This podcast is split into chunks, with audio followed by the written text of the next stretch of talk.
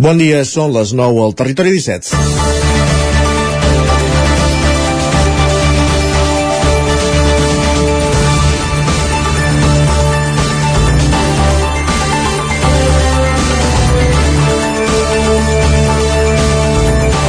Hi havia expectació al cap de setmana a les xarxes socials a l'espera del reportatge diumenge al 30 minuts de TV3 titulat Cada vegada més vegans.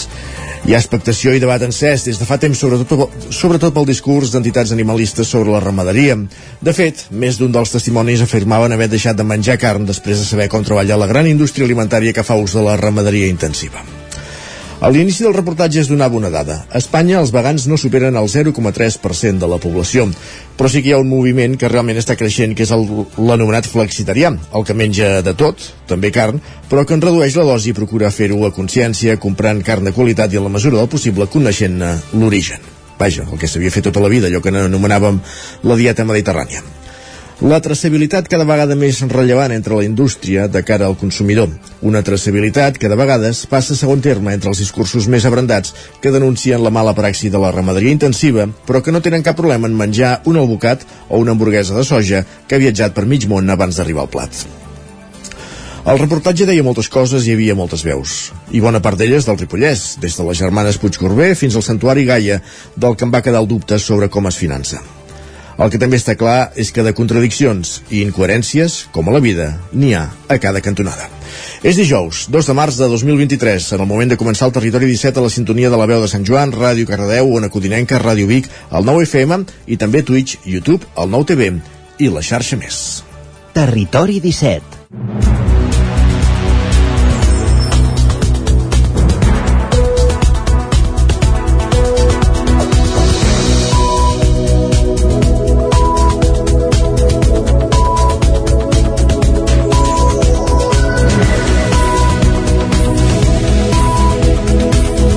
Dos minuts que passen de les 9 del matí en el moment de començar el Territori 17 aquest matí de dijous, 2 de març de 2023. El Territori 17, el magazín de les comarques del Vallès Oriental, Osona, el Ripollès i el Moianès, que us fa companyia cada dia des d'ara i fins al punt de les 11, durant dues hores. Uh, i amb quins continguts? De quina manera? Doncs us ho expliquem tot seguit. Us avancem al menú del programa d'avui, dijous 2 de març de 2023. En aquesta primera mitja hora ens dedicarem, aprofundirem en, la, en les notícies més destacades de casa nostra, en les notícies del territori 17. Farem també un cop d'ull a la previsió del temps, anirem fins a una codinenca, allà ens hi espera en Pep Acosta, i un recull de les portades dels diaris del dia, al quiosc, amb en Sergi Vives. A partir de dos quarts de 10 del matí serà el moment de pujar al tren d'Alba, al tren, a l'R3 en aquesta sèrie diària de cròniques que recull l'Isaac muntades dels oferts usuaris de la línia Barcelona-Vic-Ripoll-Puigcerdà. A l'entrevista no ens mourem gaire, ens quedarem a la veu de Sant Joan. Allà l'Isaac Muntades estarà acompanyat de la Clàudia Romero, presidenta de la Unió Excursionista de Sant Joan de les Abadesses, una entitat que celebra enguany el seu 70è aniversari. En parlarem ara que fa un any que Clàudia Romero assumia les regnes la presidència d'aquesta entitat. Passarem per la plaça, l'espai de nova economia amb la Maria López 11.cat, música fins a les 10 i a les 10 més notícies, la previsió del temps i a la foc lent altre cop cap a la veu de Sant Joan. Avui per parlar de xocolata i és que fa un temps que la Fleca Mir de Sant Pau de Segúries elabora amb aquest producte per endolcir els paladars dels seus clients. I ho farem en companyia d'en Marc Mir i la Maria Caballero, com dèiem, d'aquesta Fleca Mir de Sant Pau de Segúries, avui parlant de xocolata. I a la darrera mitja hora, els dijous ja sabeu que és el dia de la ficció, primer Twitter, ficció o ficció o realitat, primer Twitter, llavors sí que ens endinsarem al cinema amb en Joan Garcia i en Gerard Fosses des de la veu de Sant Joan i algunes recomanacions de sèries de l'equip del Territori 17. Aquest és el menú del matí. Per tant, el que ens fa falta ara és posar-nos en dansa amb les notícies més destacades de les nostres comarques, les comarques del Vallès Oriental, Osona, el Ripollès i el Moianès i ho fem amb una qüestió que va portant cua perquè el PSC perd la confiança en Joaquim Colomer, el president del Consell Comarcal del Ripollès, però no, veu, però no vol que afecti el Consell i més, manté la confiança. Isaac Muntades, la veu de Sant Joan. L'acusació de l'alcalde Jordi Monell i de l'equip de govern de Junts a Ripoll i del partit en l'àmbit comarcal cap a la figura del regidor i president del Consell Comarcal del Ripollès, Joaquim Colomer, de fer servir comptes de Twitter falsos per criticar l'acció de l'equip de govern, va tenir les primeres conseqüències amb la seva destitució com a quart tinent d'alcalde i de les seves regidories, però l'ens comarcal és més difícil que pugui perdre el càrrec, però hi ha moltes incògnites. Junts governa el Consell amb el suport del PSC i més, amb dos consellers i un respectivament. Enric Pérez i Xavier Guitar són els representants socialistes a l'ENS. Pérez, que és vicepresident primer no veu de la mateixa manera a Colomer que fa uns dies. Em costa mantenir-la. Més enllà de les sospites i de les, eh, bueno, d'una mica el que ens han estat explicant, hi ha coses que no em quadren a nivell de l'actuació que ell ha fet a nivell personal davant d'aquesta situació. Per tant, eh, la veritat és que em genera molts dubtes a dia d'avui, sí, sí, de poder mantenir-li la confiança eh, com fa una setmana. El grup socialista té molt clar que hi ha temes importants pendents de resoldre que no poden quedar aturats, com el projecte del tractament de lixiviats de l'antic abocador R3 o els concursos de recollida de residus i de transport escolar. És per aquest motiu que aquests dies estan parlant amb els tècnics del Consell per valorar possibles escenaris. Pérez va qualificar de desgavell i de guerra civil interna de Junts aquesta situació, que segons diu va en detriment del govern de l'Ajuntament de Ripoll i del Consell. També va apuntar que si el president es queda sense el suport de tres vicepresidents, n'hi ha dos de Junts, no es pot constituir el Consell de Govern i molts acords no es podrien prendre i s'haurien d'aprovar al ple. En el cas de més, l'únic conseller que tenen a l'ens comarcal i que és vicepresident tercer i conseller de promoció econòmica, Ramon Roquer, va manifestar que no tenia massa sentit fer una sacsejada a l'equip de govern del Consell Comarcal a menys de 3 mesos de les eleccions municipals. Entenc que tants pocs dies de les eleccions municipals i per tant una configuració del nou govern té molt poc sentit plantejar qualsevol modificació de política a nivell comarcal en aquests moments, entenent que ja hi haurà un nou govern fruit d'uns resultats, unes voluntats ciutadanes amb el seu vot a través dels candidats als municipis i per tant està garantida la renovació de consellers comarcals en pocs mesos degut a les eleccions municipals i per tant jo no entendria que algú pretengués a, a tants pocs dies, a menys de 100 dies de les eleccions, fer o pretendre buscar majories diferents. Roquer va dir que Colomer encara té la seva confiança perquè no hi ha motius per canviar la seva posició. També va dir que sempre hi ha hagut persones que han optat per fer crítiques més o menys dures a través de perfils falsos a les xarxes socials, però que no té informació d'allò que ha passat a l'Ajuntament de Ripoll. L'alcalde de Sant Joan de les Abadeses també va apuntar que no coneixien massa les intencions del grup de Junts d'haver pres aquesta decisió tant al final del mandat, ja que tothom era coneixedor que hi havia discrepàncies polítiques de plantejament i projecte entre Junts i Colomer. De totes maneres, Roquer va dir que aquesta problemàtica no s'hauria de traslladar al Consell per no afectar els projectes que estan en curs. La posició final de Roquer és que hi havia poc marge per prendre decisions extremes en un sentit o en l'altre.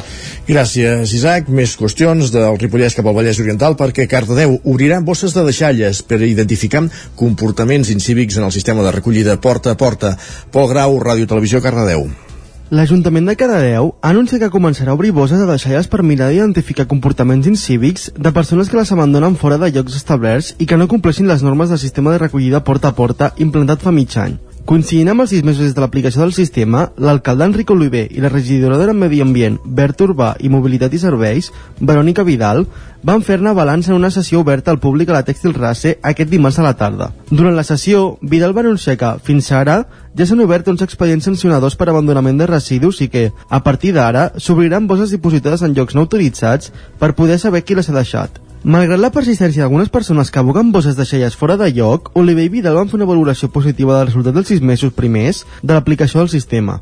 Segons les dades recollides, dels 7.505 habitatges que van recollir els cubells, un 93% han tret el carrer de les fraccions, orgànica, rebuig, paper i cartró i envasos, mentre que només un 5% han tret només una fracció. El sistema també el fan servir un total de 542 locals comercials amb més o menys de generació de residus, i l'Ajuntament remarca que l'aplicació del sistema permet detectar 62 locals que fins ara constaven com a buits, però que en realitat tenien activitat i 26 nous locals que fins ara no estaven registrats. La desaparició dels contenidors oberts al carrer ha permès que hagin aflorat aquests locals. Gràcies, Pol. Canviem de qüestió, però no de comarca. Sant Feliu de Codines posa en marxa a les escoles un projecte d'atenció als alumnes amb altes capacitats. Roger Ram, zona codinenca.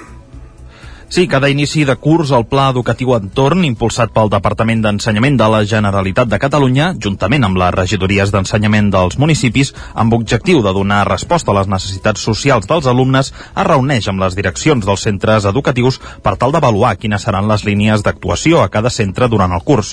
Doncs bé, enguany s'ha iniciat un projecte per tal de tenir més eines per atendre els alumnes amb altes capacitats, ampliant així els recursos pels alumnes amb necessitats educatives especials. Laura Petit és la regidora d'Ensenyament de Sant Feliu de Codines.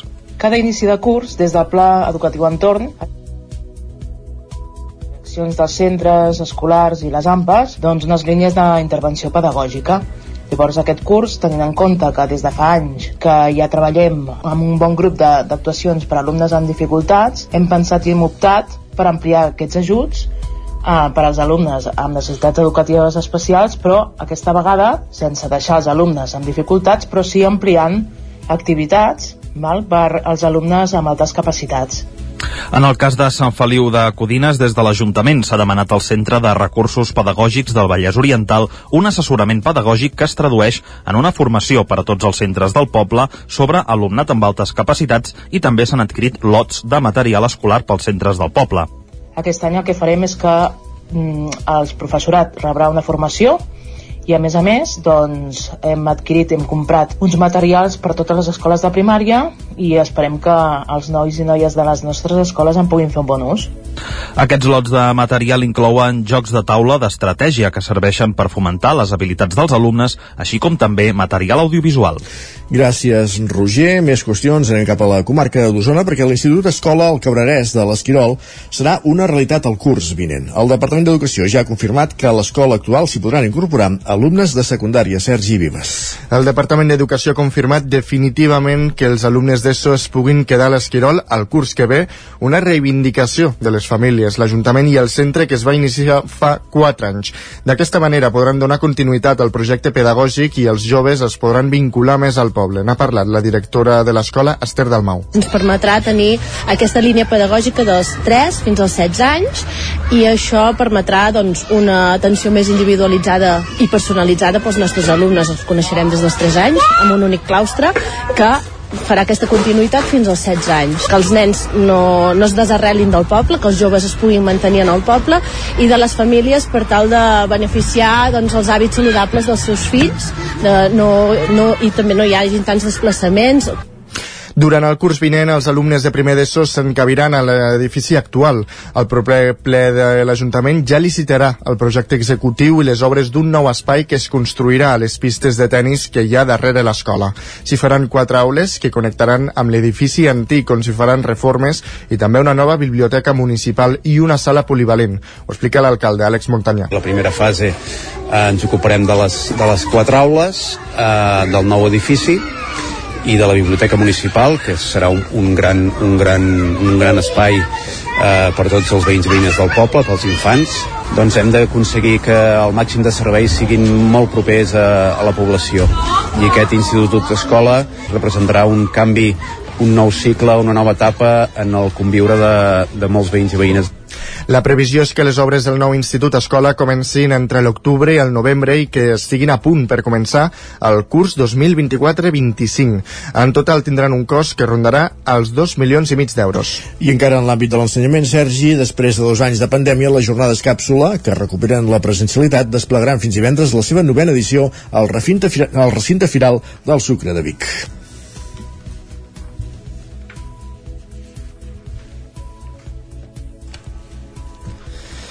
Sí, Uh, durant uh, tres dies s'espera que 2.000 joves de la comarca facin parada per aquest espai amb l'objectiu de trobar eines que els permetin, un cop finalitzats els estudis d'ESO i batxillerat, escollir el seu futur. Entre els expositors hi ha l'Escola d'Arts de Vic, un centre que del 7 al 20 de març s'obrirà el període d'inscripcions. Que les jornades càpsules facin ara, per tant, els va com l'anell al dit, segons la coordinadora del cicle de disseny gràfic Imma Espona. Sí, ens va molt bé, ens va molt bé. També, de fet, el dia 11 de març fem unes portes obertes, també en funció d'això, perquè potser ara hi ha alumnes que encara no saben què volen fer el curs que ve i tot que des després hi torna a haver una prova d'accés extraordinària, però ara l'ordinària és molt important bueno, que el, el major nombre d'alumnes ja puguin orientar-se de cara al curs que ve. Els joves que aquests dies passin pel recinte Firal del Sucre es trobaran tècnics de joventut de tota la comarca formats en educació socioemocional. Ho explica el president del Consell Comarcal, Joan Carles Rodríguez tenim eh, formació socioemocional pels estudiants perquè sabem que ara són moments complicats una mica d'angoixa perquè mm, representa que estàs davant d'una decisió transcendent pel teu futur i tenim a tot el personal de, els tècnics de joventut de la comarca formats específicament en educació socioemocional per també ajudar els joves a que aquest trànsit no, doncs, sigui, com, sigui com més tranquil. I per tant jo crec que això també és una cosa a destacar. Les jornades que organitza el Consell Comarcal amb la complicitat dels diferents serveis de joventut de la comarca es completaran amb un programa de xerrades i taules rodones. Durant el mes de març, encara en el marc de les jornades càpsula, s'impartirà la xerrada Què té sortida pel meu fill o filla? a Manlleu, Centelles i Sant Quirze de Besora.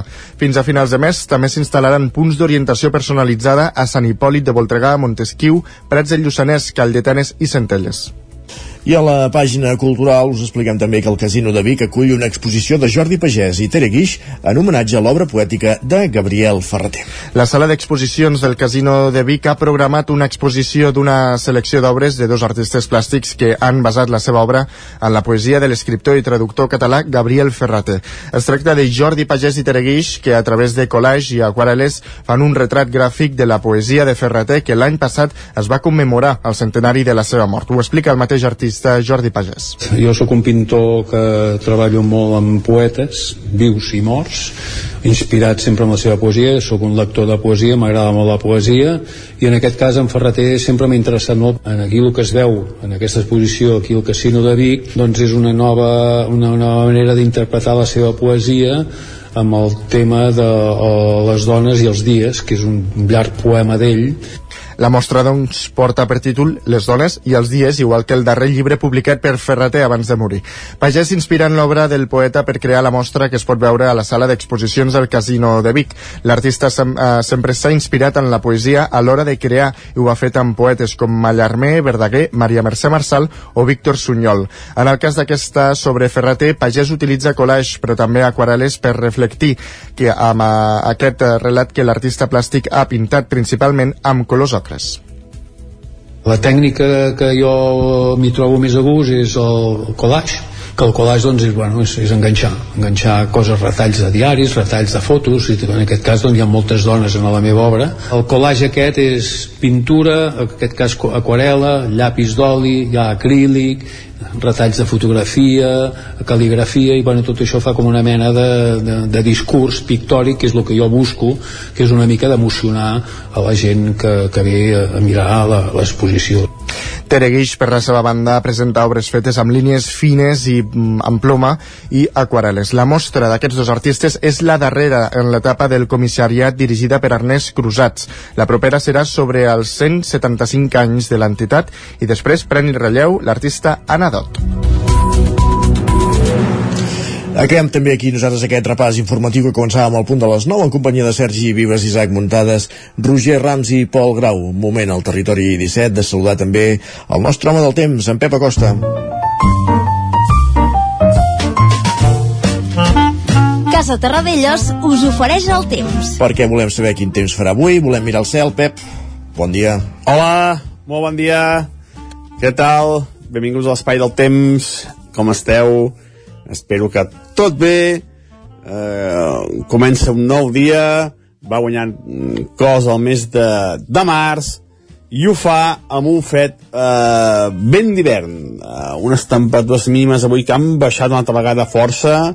Moltes glaçades a moltes poblacions. A muntanya falta dir-ho que també ha glaçat força continuem amb aquesta dinàmica de fred eh, nits fredes eh, tot i que en algunes zones avui no ha baixat la temperatura. Per què? Perquè hi ha bastants núvols. Hi ha bastants núvols, i sempre diem que els núvols eh, fa que la temperatura no baixi tant eh, a, a, cap a l'interior les comarques de Lleida, eh, cap a les muntanyes de Tarragona, fa més fred que no pas cap al nord-est. Eh, és degut a això, eh, aquesta nubositat que hi ha, una nubositat que durarà bona part d'aquest matí però per mala sort eh, només hi haurà quatre núvols i en principi no deixaran precipitació. Si deixen precipitació serà molt, molt escassa i no, no serà per mala sort, com de repetir, gens, gens important. Uh, les temperatures màximes avui seran fresques, serà un dia fred, eh, no superarem en la majoria de poblacions els 8, 9, 10 graus, eh, potser llocs més càlids cap al prelitoral, eh, 11, 12 graus de màxima, mm, unes temperatures eh, molt a ratlla, molta fresca durant el dia el dia d'avui, igual que ahir, eh, hi va ser un dia força fred, però avui a l'estar bastant nuvolat fins i tot baixarà una mica més la temperatura eh, màxima. Al matí hi haurà aquests núvols, de cara a la tarda n'hi haurà menys, eh, desapareixeran els núvols i tindrem eh, bastantes estones de sol. Sol combinat amb núvols. En cap cas serà un dia de sol esplèndid, de sol radiant, eh, ni de ventós.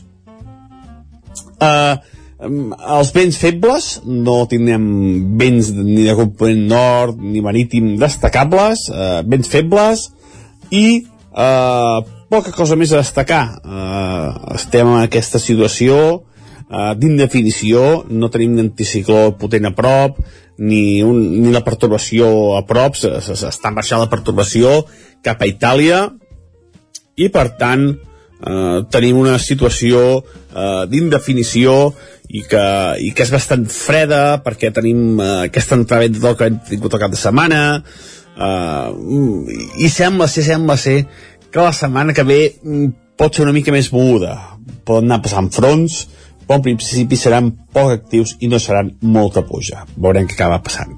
El que està clar avui això, eh? dia fred, dia de sol i núvols i dia de poc vent un dia típic del mes de març, tot i que una mica més fred del que seria normal. Moltes gràcies, bon dia. Doncs ens tocarà obligar-nos. Gràcies, Pep, parlem d'aquí una estona. Continuem al territori 17, anem cap al quiosc. Casa Tarradellas us ha ofert aquest espai. Territori 17. Envia'ns les teves notes de veu per WhatsApp al 646 079 023. 646 079 023. WhatsApp Territori 17.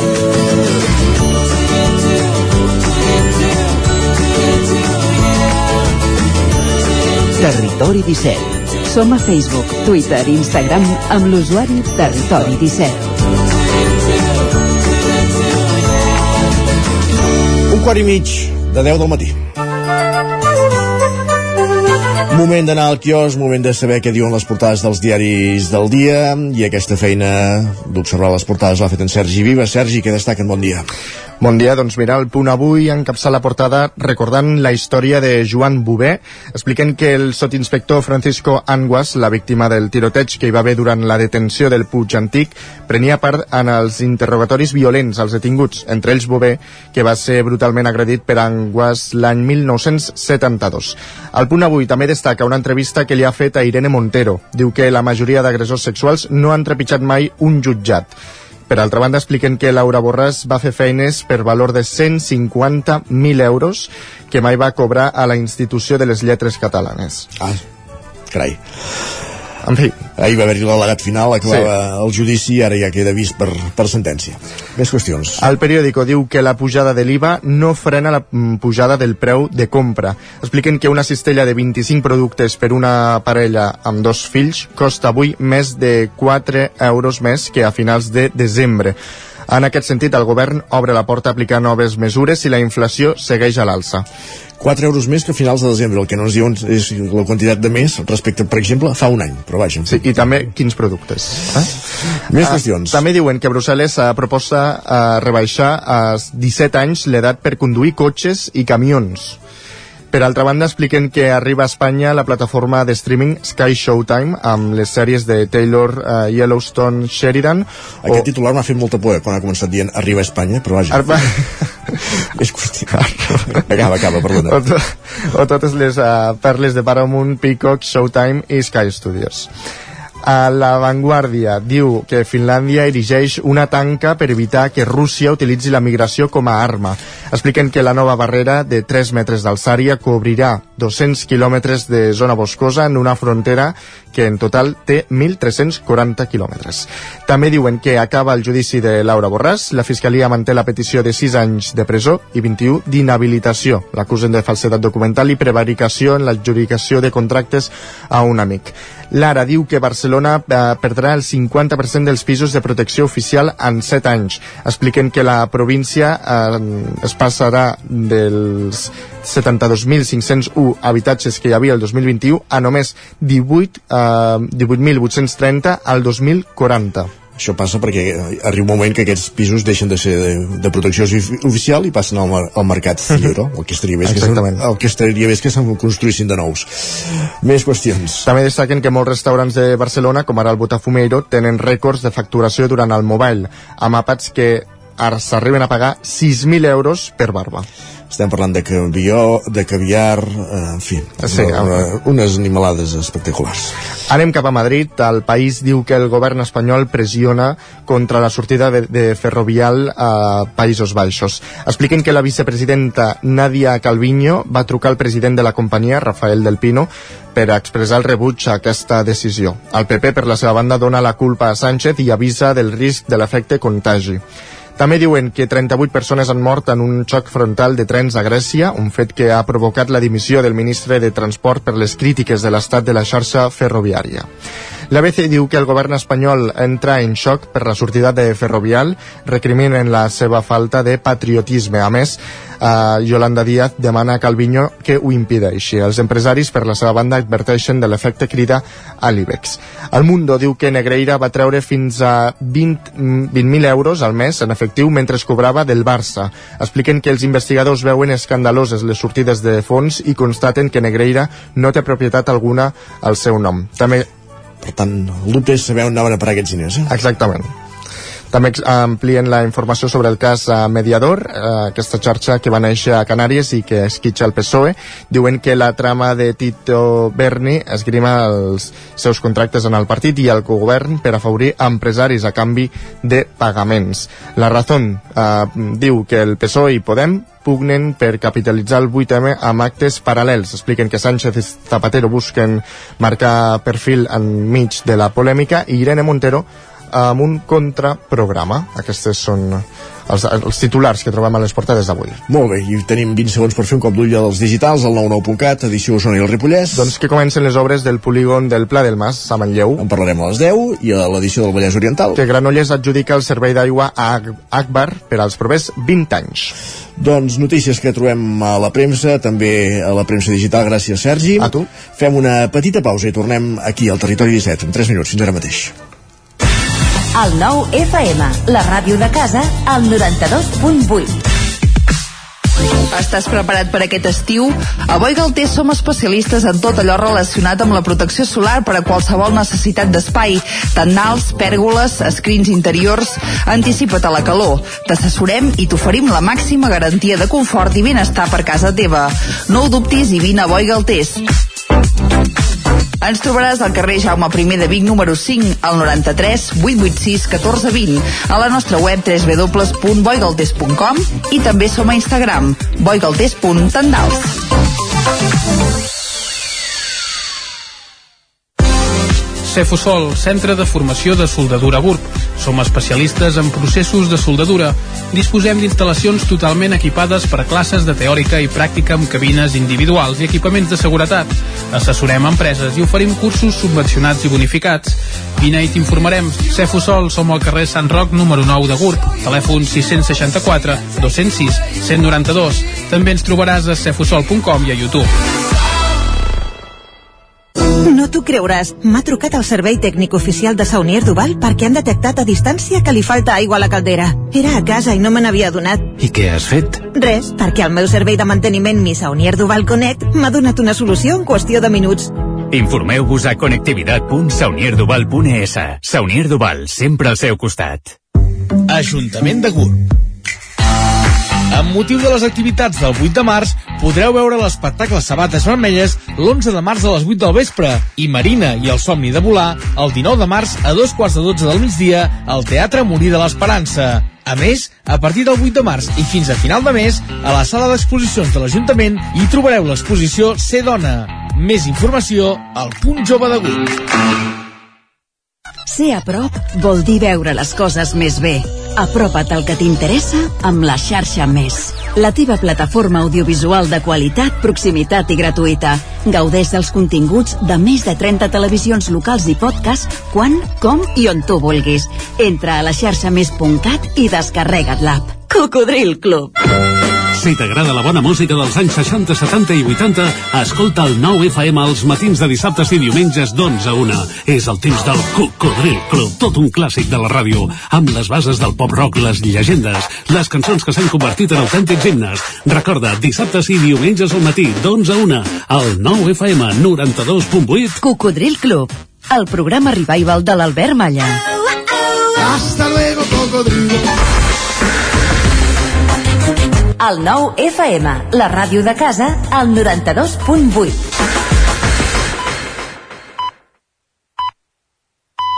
Territori 17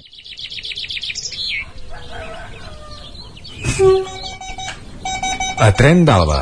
Cada dia els usuaris i usuàries de la línia R3 de Rodalies que veuen sortir el sol des d'un vagó ens expliquen les gràcies i les penes del primer comboi que uneix Ripoll i Barcelona o les feixugues jornades amb el tren després de treballar. Benvinguts a Tren d'Alba. Doncs unes quantes dades avui, i és que Renfe ha expedit a Catalunya un total de 590.224 abonaments gratuïts en rodalies i mitjana distància, i abonaments abans bonificats al 50% durant els dos primers mesos de vigència del 2023, després de l'aprovació de la mesura del Govern Central del passat 27 de desembre. Del total dels títols multiviatge expedits, més de 580.000 es corresponen a abonaments per viatjar en rodalies i mitjana distància. A més dels abonaments gratuïts per als clients recurrents, Renfe ha venut a Catalunya més de 10.000 títols amb descomptes del 50% davant per utilitzar els serveis de mitjana distància a alta velocitat, el que suposa l'1,7% del total d'abonaments. Va, ens retrobem dilluns amb més històries del tren i de l'R3. Territori 17, el 9 FM, la veu de Sant Joan, Ona Codinenca, Ràdio Cardedeu, Territori 17. Un minut que passa de dos quarts de deu del matí, anem cap a l'entrevista.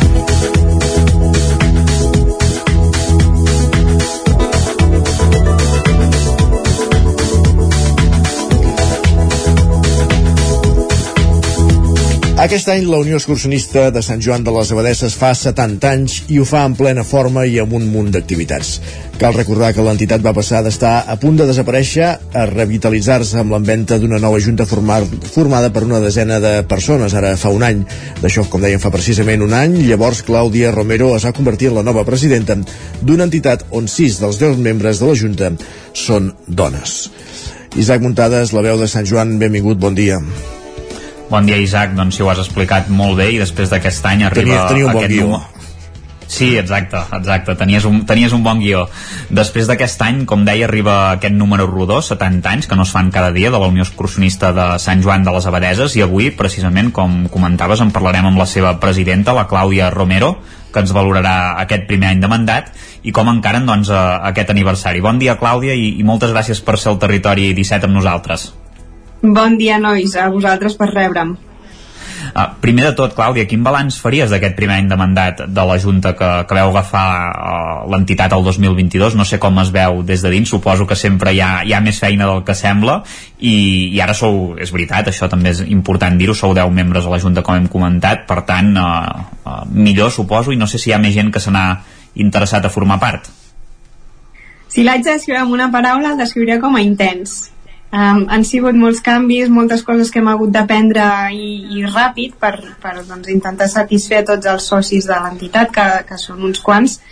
Hem tingut molta, molta sort que, que la Junta antiga ens s'ha mantenit al nostre costat i, i han estat uns o altres, però sempre, sempre hi, ha algú, hi ha hagut algú representant la Junta antiga a les activitats que hem fet durant tot l'any.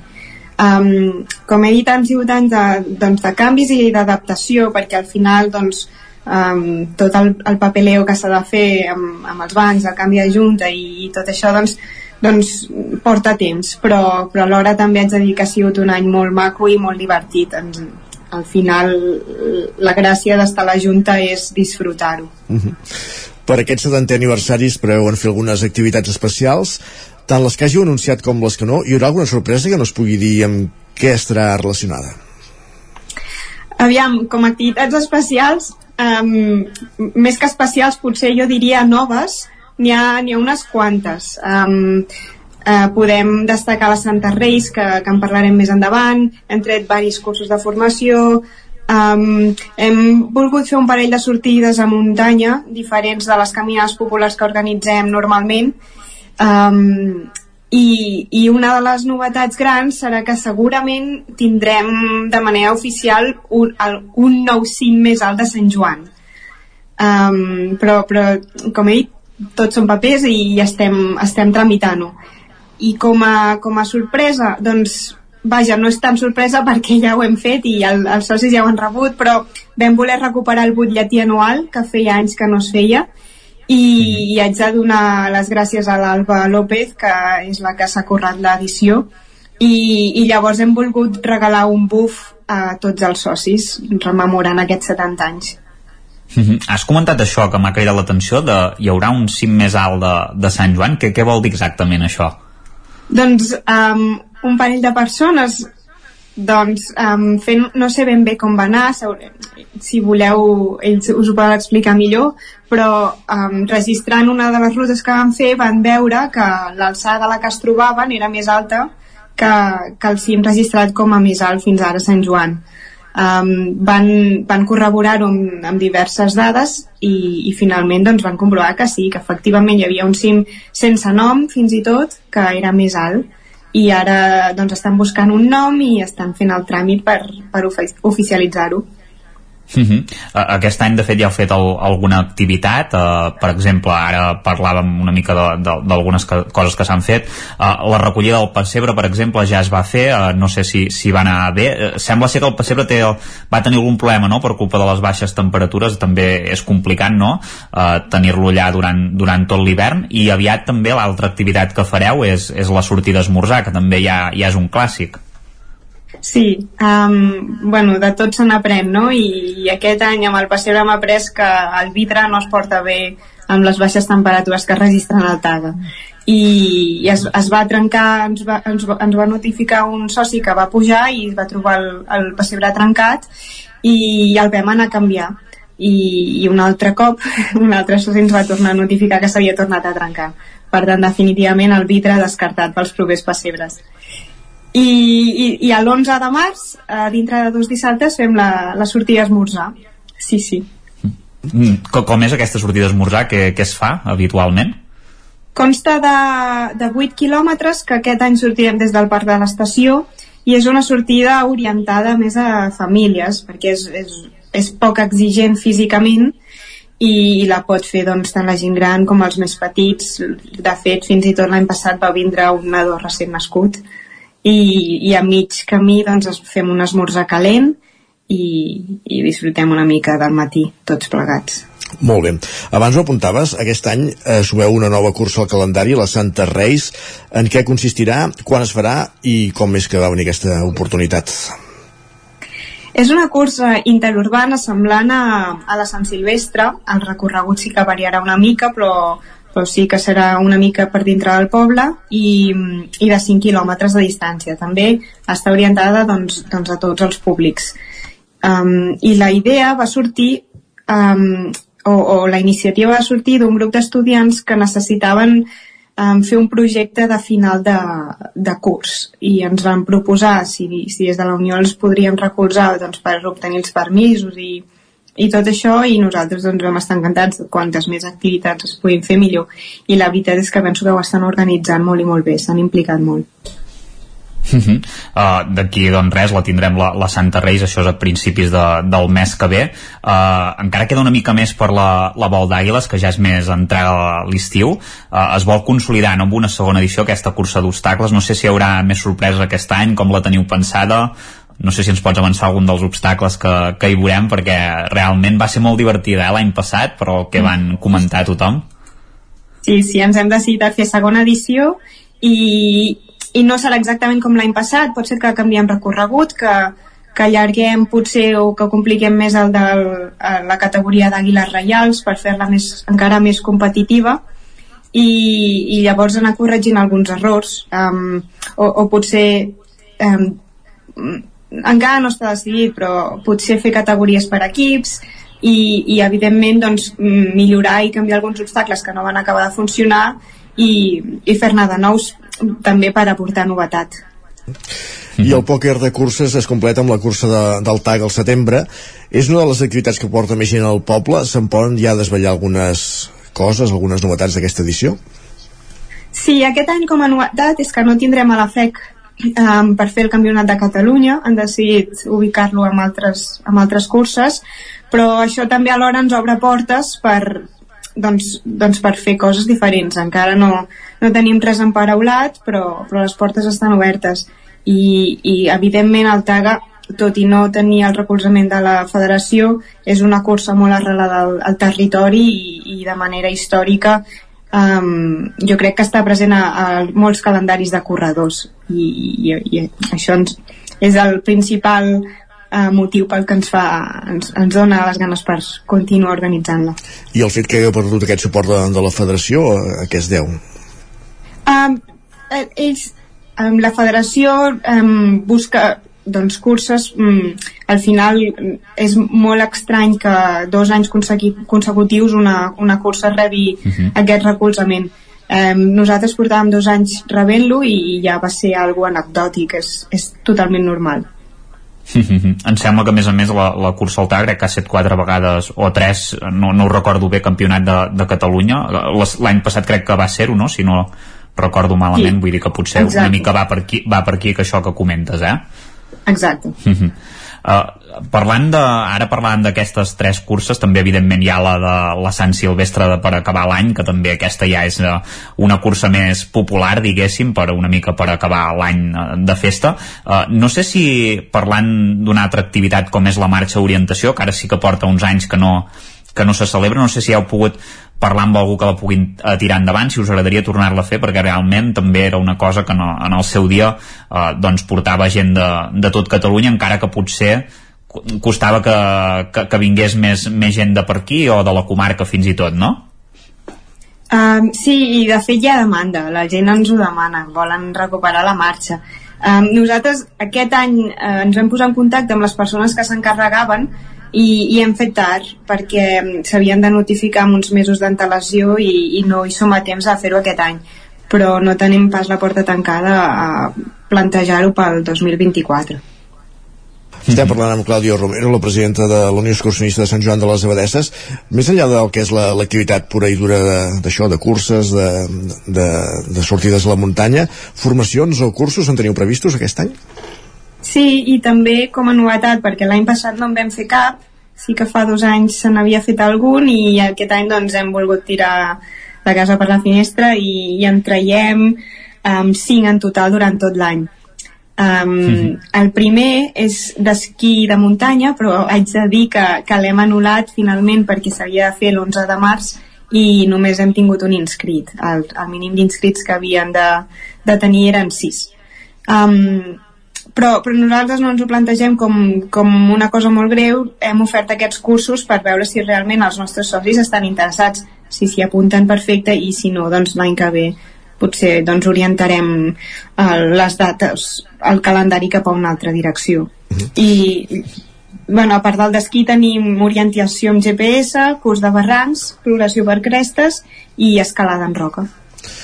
Perfecte. Mm -hmm. Clàudia, només un últim punt del que ens apuntaves abans de, del fet aquest d'haver trobat el punt més alt de, de Sant Joan de les Abadesses i que no és el que, el que hi havia registrat fins ara.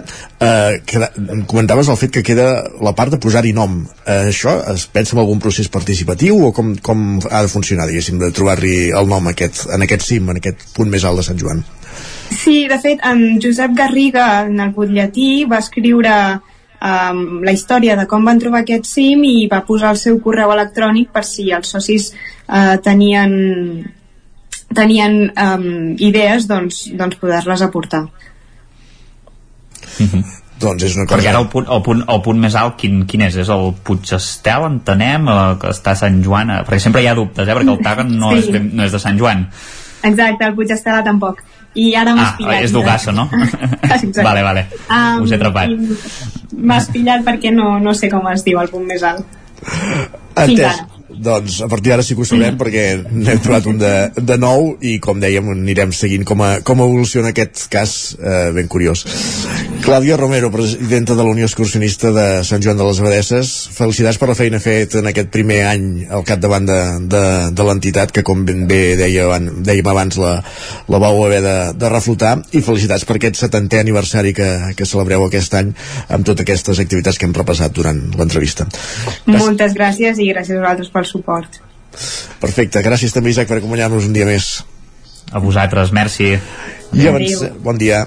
I avancem aquí al territori 17. Hem parlat de muntanya, hem parlat d'excursionisme, hem parlat del Ripollès, de Sant Joan de les Abadesses, i ara el que fem és parlar de cinema, tot seguit a la plaça, aquest espai de, de nova economia, que a vegades eh, com dèiem, ampliem el que és la, la paraula economia en molts altres àmbits, avui el cultural, avui el cinema, tot seguit aquí a la plaça.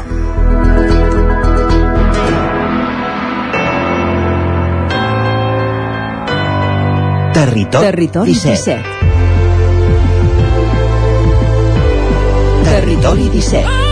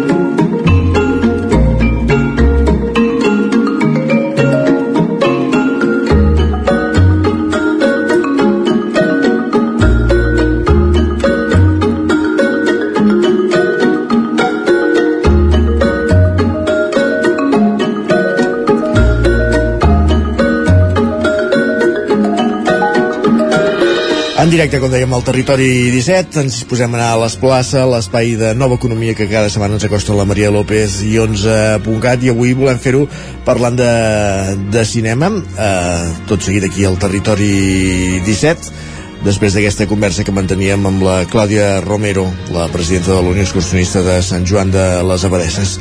Com dèiem, tot seguit parlem de, de cinema, d'un festival que es fa a Barcelona, de la qual la Maria de seguida ens en dona més detalls i avançarem amb més continguts del, del Territori 17. Maria López, Ràdio Televisió Cardeu, benvinguda, bon dia. Molt bon dia, Isaac, com estem? Bé, i tu? Doncs mira, aquí. Escolta, tu ets cinèfil o no ets cinèfil? En la mesura del possible, sí. Amb la mesura del possible, i això què vol dir?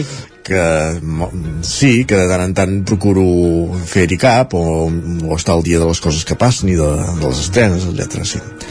I de festivals? El Has de, anat alguna vegada a un el de- festival el de aquell, una mica més petitet? El de cinema de muntanya Torelló me'l conec com la, amb, com la palma de la mà, que dirien. I, Festival de cinema de muntanya. i, espectacular, sí, sí. Penso que de tots els, els millors documentals de, de muntanya i natura del món passen per, cada mes de novembre per Torelló. Sí, sí. Uh -huh. Doncs mira, avui precisament el que volem eh, parlar és de, de cinema, però més aviat de l'economia d'un festival de, de cinema, perquè si fa unes setmanes parlàvem precisament de com funciona l'economia en un festival de música, fins a quin punt són rentables o no aquest tipus de festivals, avui volem fer exactament el mateix, però amb els festivals de cinema. I avui volem eh, parlar del festival més concretament Olala, que és un festival de cinema francòfon de Barcelona, que celebra aquest any la cinquena una edició des del dia 1 al dia 8 de març. Aquest certamen, que vol reconèixer el millor cinema recent en francès, subtitulat al castellà o al català, projectarà a la ciutat una selecció d'obres inèdites presentades a alguns dels principals festivals internacionals. Per fer-ho ens acompanya una setmana més la Gemma Vallet, eh, acompanya d'11 District, directora d'11 District. Eh, bon dia, Gemma, com estàs? Bon dia, Maria. Doncs, eh, en principi, avui havíem de parlar amb l'Anna Belén Fernández Llorente, que és cofundadora del festival. No sé si estem tenint alguns problemes de connexió, ja podem comptar amb ella.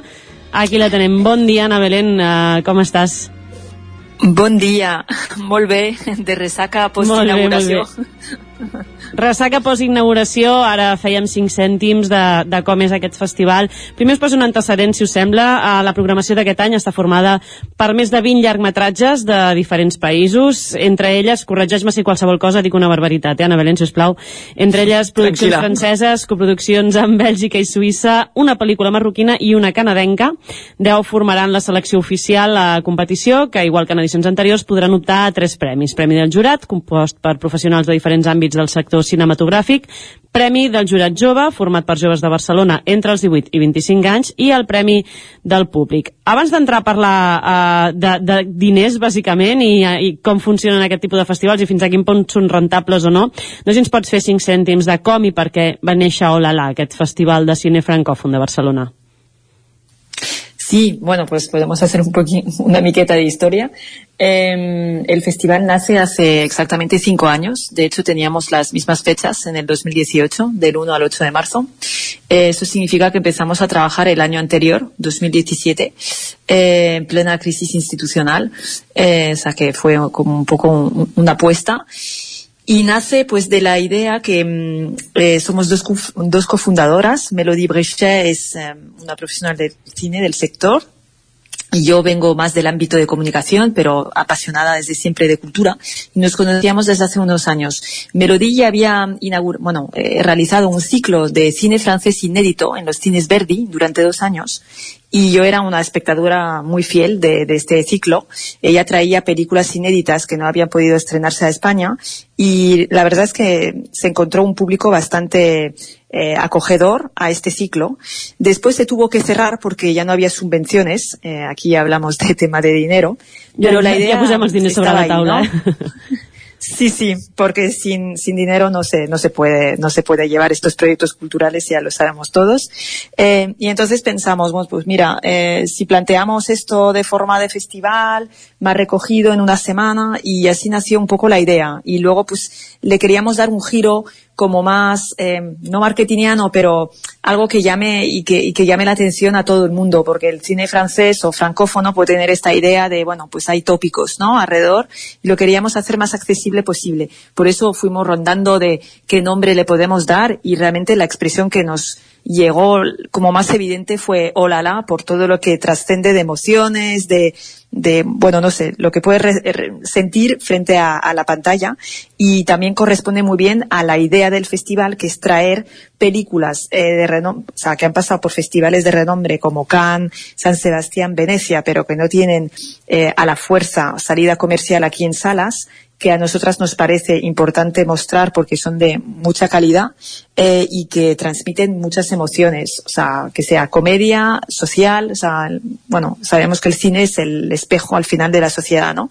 Y entonces así nace la idea eh, y recientes, obviamente, para ser lo más atractivo posible. Y cuando lo lanzamos, pues la verdad es que no sabíamos qué acogida, qué hueco íbamos a poder tener. Fue realmente una apuesta. eh, a- con mucho sudor, lágrimas, pero mucha alegría al final, porque sí que hubo buena acogida, público, em, hubo prensa también, hubo buena recepción de las instituciones. Eh, entonces, bueno, pues ahí empezamos a, a- a crear el festival hace cinco años. Y luego, bueno, te podré seguir contando, pero con las turbulencias que hemos podido conocer con, con la pandemia también, pues hemos evolucionado. Totalment. Uh, en qualsevol cas, d'entrada, ja has posat sobre la taula dos conceptes que van molt lligats precisament uh, a la viabilitat econòmica de festivals com aquest. Has parlat mm. de subvencions, has parlat també de sortida comercial, diguéssim, en, en pantalla, que això no sempre... Jo crec que molta gent es pensa que un fa una pel·li i al cap d'un mes la tens als cines. És molt difícil arribar a, les, a, la, a ser projectat en un, en un cinema i d'alguna manera la cultura tradicionalment no ha estat sempre ben acompanyada a nivell de suport institucional i econòmic. Com ho viviu vosaltres? Fins a quin punt és sostenible a nivell econòmic iniciatives com aquesta? La verdad es que es la cuestión del millón la que pones, porque, eh, a ver, está claro que nosotras desde el inicio nos planteamos tener varias fuentes, porque la primera fuente es realmente la fuente institucional, eh, porque lo que realmente nos, nos incitó primero a hacer este, este festival fue que tuvimos una respuesta positiva de, de apoyo de la Generalitat de Cataluña. Y pensamos, pues esta idea puede cuajar. Entonces, un pie muy importante de la financiación de un festival es la subvención pública, no deja de serlo. Eh, sin este apoyo, sin esta seguridad, es muy complicado llevar a cabo este, estos proyectos. Luego, otro pie realmente es la financiación privada. Si no tienes eh, sponsors eh, o patrocinadores, eh, muy complicado eh, llevar a llevar a cabo esta eh, este proyecto y este presupuesto. Y el tercer pie que al final no deja de ser el más el más pequeño en realidad en un presupuesto es la taquilla. Porque también la idea de un festival de este tipo es ser accesible a nivel de precios. Nuestras entradas por ejemplo este año no exceden 7,50 euros entonces eh, y muchos años hemos estado en 7 o 6 entonces esto es el tercer pie. Cuando te falla uno de ellos es complicado tener sostenibilidad y este año, por ejemplo, eh, bueno, por, por varias, varios motivos, un patrocinador dejó de apoyarnos y hemos tenido que abrir una campaña de mecenazgo, que es, ha sido como otra fuente adicional, si quieres, de financiación. Campaña de mecenazgo vía plataformas como, eh, bueno, Goteo en nuestro caso, y, y este apoyo, la verdad, eh, no, nos ha permitido compensar eh, la pérdida de este patrocinador y llevar a cabo este festival que este año además tenía bastante visión porque como lo has dicho, más de 20 largometrajes, pasamos a otra etapa en el festival. Teníamos pues no sé, 12, 15 películas programadas, ahora tenemos 22, tenemos más invitados, recuperamos un, una forma presencial eh, y post pandemia y entonces es una etapa importante dentro del crecimiento del festival, que esta etapa la deberíamos haber tenido en el 2020, en marzo de 2020, y pasó lo que pasó con la pandemia. No sé si consideres això a nivell d'opinió personal, eh? que si el suport institucional que hi ha quan a matèria econòmica, eh, amb aquest tipus de festivals eh, és suficient o d'alguna manera potser tenen més el focus posat en, en grans produccions d'aquestes que després sí que acabaran arribant moltes a, a la gran pantalla. Creus que d'alguna manera els festivals més petits que us aneu fent amb força o que aneu intentant aconseguir el vostre lloc dintre del panorama de festivals que hi ha al cap d'un any, que són moltíssims, mm, trobes que esteu suficientment recolzats, diguéssim, per les institucions? Mm, no, no te voy a contestar que sí porque, porque no te diría todo, pero hay dos aspectos. Eh, el primero es que efectivamente hay distintas, entre comillas, es normal, ligas de, de, de festivales, porque no todos tenemos eh, la misma, pues, eh, los mismos años, el mismo crecimiento, y hay festivales grandes que ya tienen otro, otro tipo de financiación ya a, de cara a, con visibilidad a tres años. Nosotros en esta liga efectivamente somos varios festivales, varios compañeros, eh, representados muchos en Cataluña Film Festival y efectivamente es cada año la convocatoria, es anual, entonces siempre te da un poco de, eh, pues de, de, vértigo, ¿no? A la hora de saber qué, qué, te va a tocar año tras año, no te da tanta visibilidad, esto es un, una primera cosa. Eh, y luego hay un problema también de temporalidad, en el sentido en que las convocatorias abren muchas aquí a inicio de año, lo del ayuntamiento, de, de Generalitat, entre enero y abril, y, y, las respuestas entonces te llevan entre abril y julio. ¿Qué pasa? Que los festivales, pues hay un túnel de festivales en, el, en la segunda parte del año, porque aquí todo el mundo sabe con serenidad eh, cuánto dinero vas a tener para hacer tu festival. Por eso los meses de octubre, noviembre vienen tan cargados de festivales. Este año ha pasado una cosa más inédita, hay menos festivales normalmente en la primera parte del año nosotros, en realidad, nuestras fechas originales son de marzo, que no corresponde muy bien a, a nivel de, pues de visibilidad económica, ¿no? Nos trasladamos a octubre por la pandemia, pero hemos querido recuperar este año las fechas de marzo, porque para nosotras tiene sentido, es el mes de celebración de la francofonía a nivel internacional y por varios motivos de programación también nos va bien estar en marzo. Pero marzo vuelve a ser el nuevo, entre comillas, octubre, porque también se han cambiado de fechas varios festivales y, al- y se han creado nuevas iniciativas, que esto también eh, está bien, ver toda esta vitalidad.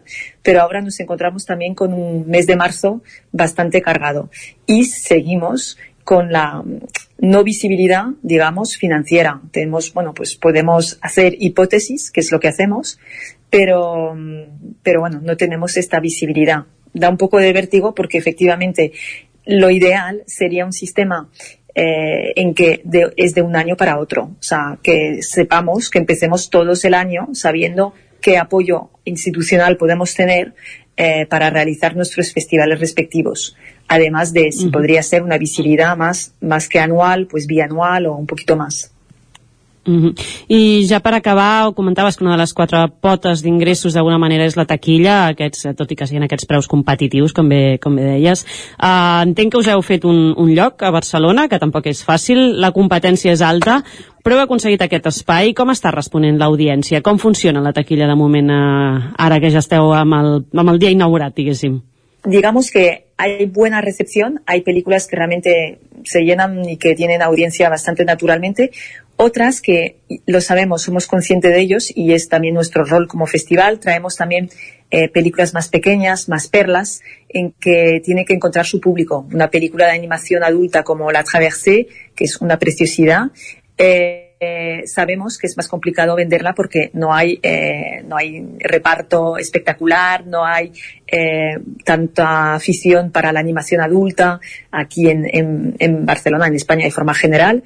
Entonces sabemos y es una apuesta y queremos compensar un poco, ¿no? Entre las más taquilleras y las que sí que pensamos que queremos presentarlas porque tiene un, un valor artístico para nosotros, pero es más una apuesta. Entonces, de contestarte a nivel de si tenemos buena recepción, sí que lo mencionas, hay mucha competitividad, digamos, diría que todos los festivales tienen también un poco su público, eh, entre nuestros festivales compañeros de Real Americana, que es más de festival indie americano o de otros festivales, tenemos complementariedades y creo que hay un hueco eh, para, para cada uno de nosotros. Eh, luego, decirte la, la cobertura de prensa, esto es más complicado. Los medios tampoco pueden ir cubriendo tantos festivales. Supongo que desde ahí es más, más complicado.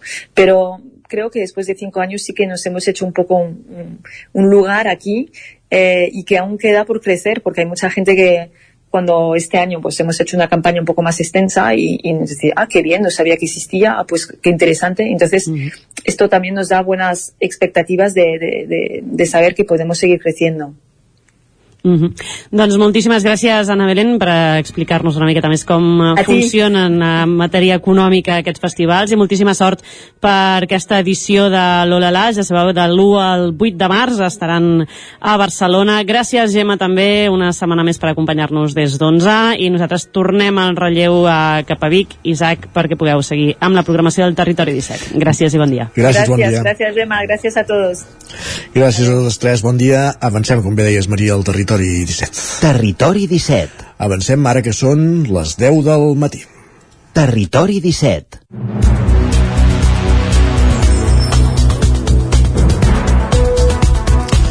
10 i, va, i gairebé 3 minuts. Uh, moment de posar-nos al dia, moment d'actualitzar-nos amb les notícies més destacades de les nostres comarques i ho farem en connexió amb les diferents emissores del territori 17, que són, com bé veieu, Ràdio Cardedeu, Ona Cotinenca, La Veu de Sant Joan, Ràdio Vic, el 9 FM, també ens podeu veure a través de YouTube, Twitch, el 9 TV i la xarxa més. Aquest dimarts han començat finalment les obres d'urbanització del polígon industrial del Pla del Mas de Manlleu. El cost és de més de 8 milions d'euros i el termini d'execució és de 16 mesos. Sergi Vives. Entra així a la fase definitiva un projecte que es remunta a 18 anys enrere quan es preveia un polígon més gran que no va arribar a bon port. Amb un dibuix més petit es va reactivar el 2015. Des de llavors hi ha hagut tràmits urbanístics, el canvi de sistema de compensació pel per cooperació i ja amb les obres licitades la impugnació per part d'una de les empreses participants al concurs al Tribunal Català de Contractes al sector públic. En parla l'alcalde de Manlleu, Àlex Garrido.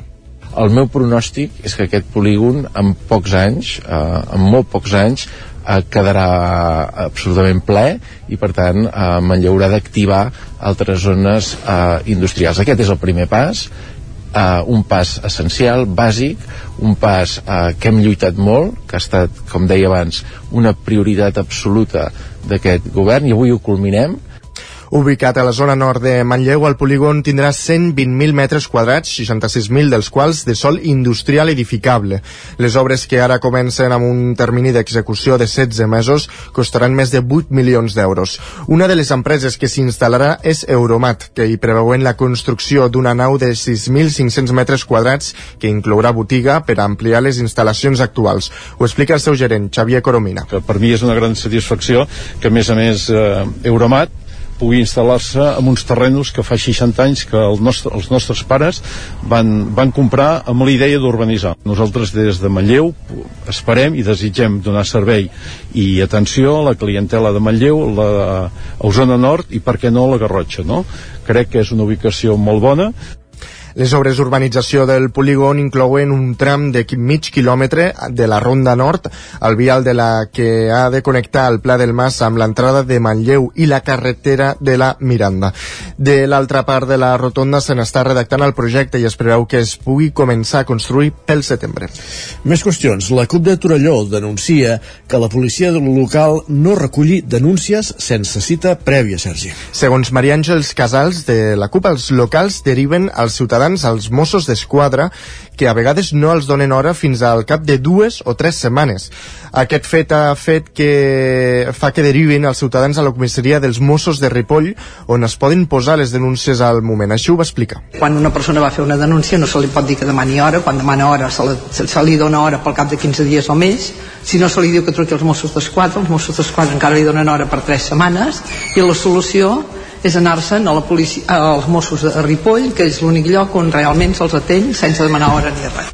Segons la regidora de Seguretat Ciutadana, Elisabet Vinyas, a causa d'algunes baixes que hi ha dins del cos és complicat agafar les denúncies al moment, però el que sí que es fa és atendre els casos concrets. Tenim alguna baixa i així doncs, que no permet agafar denúncies a l'actes. Una cosa és el tema de les denúncies, l'altra és l'atenció, l'atenció és immediata en qualsevol succés, no? i sí que se'ls deriva a Ripoll perquè Mossos també tenen aquesta dilació amb les dates i Ripoll és de les policies que són més ràpides en agafar la denúncia. Mm, ho recollim, ara mateix és impossible treballar sense cita prèvia a la policia local de Torelló.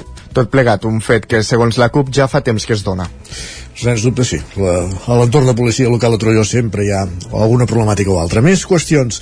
Sumem per Camp de Bànol presenta la seva candidatura a Muriol Lázaro de cap de llista. Isaac Muntades, la veu de Sant Joan. Aquest dimecres al matí es va presentar la candidatura de Sumem per Camp de Bànol a les eleccions municipals del maig, una llista associada a Junts per Catalunya que està liderada per Oriol Lázaro. Tot i això, no se'ls pot considerar hereus de l'equip de govern de Junts actual encapçalat per l'alcaldessa Dolors Costa, ja que a la llista no hi va cap regidor del govern actual i perquè Costa continua treballant per presentar-se com a independent. Lázaro va insistir en que a Sumem per Camp de Bànol no hi ha ningú adscrit a cap partit polític i que volen sumar forces perquè estan preocupats pel futur del poble. En un escenari postelectoral també volen sumar amb altres partits i tenir 11 persones a l'equip de govern. A la presentació de la candidatura el van acompanyar alguns membres de la llista com Marta Guitart, Joan Serra, Elisabet Clota, Francesc Puig, Carme Cazorla, Pau Alia, Roger Esteres o Marc Martí. El cap de llista de Sumem per Camp de Bànol va dir que han d'escoltar a tothom. Governar un ajuntament vol dir escoltar la gent. Vol dir sortir i anar a parlar amb tothom, amb les persones, amb les entitats, amb els comerços, amb les indústries, per entendre quines problemàtiques tenen tenen per entendre quines són les seves dificultats i per intentar ajudar, sempre ajudar, mai posar entrebancs. I aquest serà el nostre esperit, anar a escoltar. Però no una escolta passiva de quedar-nos quiets, sinó ha de ser una, una escolta activa, una escolta per anar a construir. Per tant, nosaltres diem que hem d'escoltar, construir i millorar el, el nostre poble, que és Camp de Bano. Nosaltres també volem obrir l'Ajuntament. Volem que es recuperi aquell concepte de que l'Ajuntament és la casa de la vila. Tothom ha de sentir-se a gust entrant al, a dintre del consistori per preguntar allò que l'inquieta o per transmetre alguna dificultat o el que necessiti. L'Ajuntament ha d'estar obert a la ciutadania, però també ha d'estar obert perquè tant els regidors com els tècnics que treballen a dins puguin sortir i conèixer i trepitjar el carrer i conèixer les problemàtiques del dia a dia. El programa de Sumem per Camp de Bànol estarà dividit en 11 àrees i s'anirà desgranant a poc a poc a través de les xarxes socials fins a la presentació de la candidatura al complet el pròxim 25 de març al casino. L'equip de Sumem sí que apostarà fort en la transició energètica i en donar suport a la comunitat energètica que es vol crear al poble, redactar un pla sostenible de turisme i fer una bona planificació de la mobilitat. Lázaro, de 48 anys, debuta en la política municipal i actualment és autònom. Es dedica a la divulgació de polítiques europees i enllaça feines de recerca de Catalunya amb Brussel·les per tal que tinguin coneixement a l'hora de legislar. Va treballar molts anys en l'empresa privada als sectors de la construcció i del turisme i el 2013 va entrar com a cap de gabinet de la vicepresidenta Joana Ortega i un any després va fer la mateixa funció amb l'eurodiputat Francesc Gambús. Pel que fa a entitats, és membre de la Junta del grup excursionista Can de Bànol i fins fa uns mesos també estava a la Junta del Club Bàsquet Camp de Bànol. L'actual alcalde de Sant Vicenç de Torelló, Osona, Eric Sibina, de Sumem Acord Municipal, vinculat a Esquerra, no opta a la reelecció després de 8 anys al càrrec. De fet, ahir es feia públic el nom de qui serà el seu substitut. El nou cap de llista serà Enric Mayo, que casualment és fill de l'exalcaldessa de Convergència i Unió també a Sant Vicenç, Maria Rodríguez. Sergi Vives. En una entrevista al Nou TV ha explicat que s'endú una motxilla d'experiència de servei públic i un gran aprenentatge en aquest uh, àmbit. Ell mateix ho ha qualificat com una experiència de vida. M'enduc una motxilla d'experiència increïble, eh, de servei públic, sobretot, de poder servir al poble allà on visc, i, i m'enduc doncs, eh, una experiència, jo sempre dic, una experiència de vida, perquè crec que sent en aquest càrrec de responsabilitat aprens coses que en cap cas aprendries a qualsevol altre àmbit. Malgrat els dos anys d'aturada que ha suposat la pandèmia, Sibina marxa ben fet la primera fase de la residència d'avis i deixant preparada la segona pel següent equip de govern. I obrim ara la pàgina cultural perquè el Centre d'Art Contemporani de Mollà, a Cobert, obre la convocatòria de residències artístiques d'aquest any Roger Rams, zona codinenca. Sí, des de Cobert volen oferir un espai pel desenvolupament de projectes artístics o d'investigació. A més, vol servir també com a plataforma de difusió, suport i assessorament pels artistes i també buscar apropar-los als circuits artístics i crear sinergies amb el teixit cultural de la comarca del Moianès.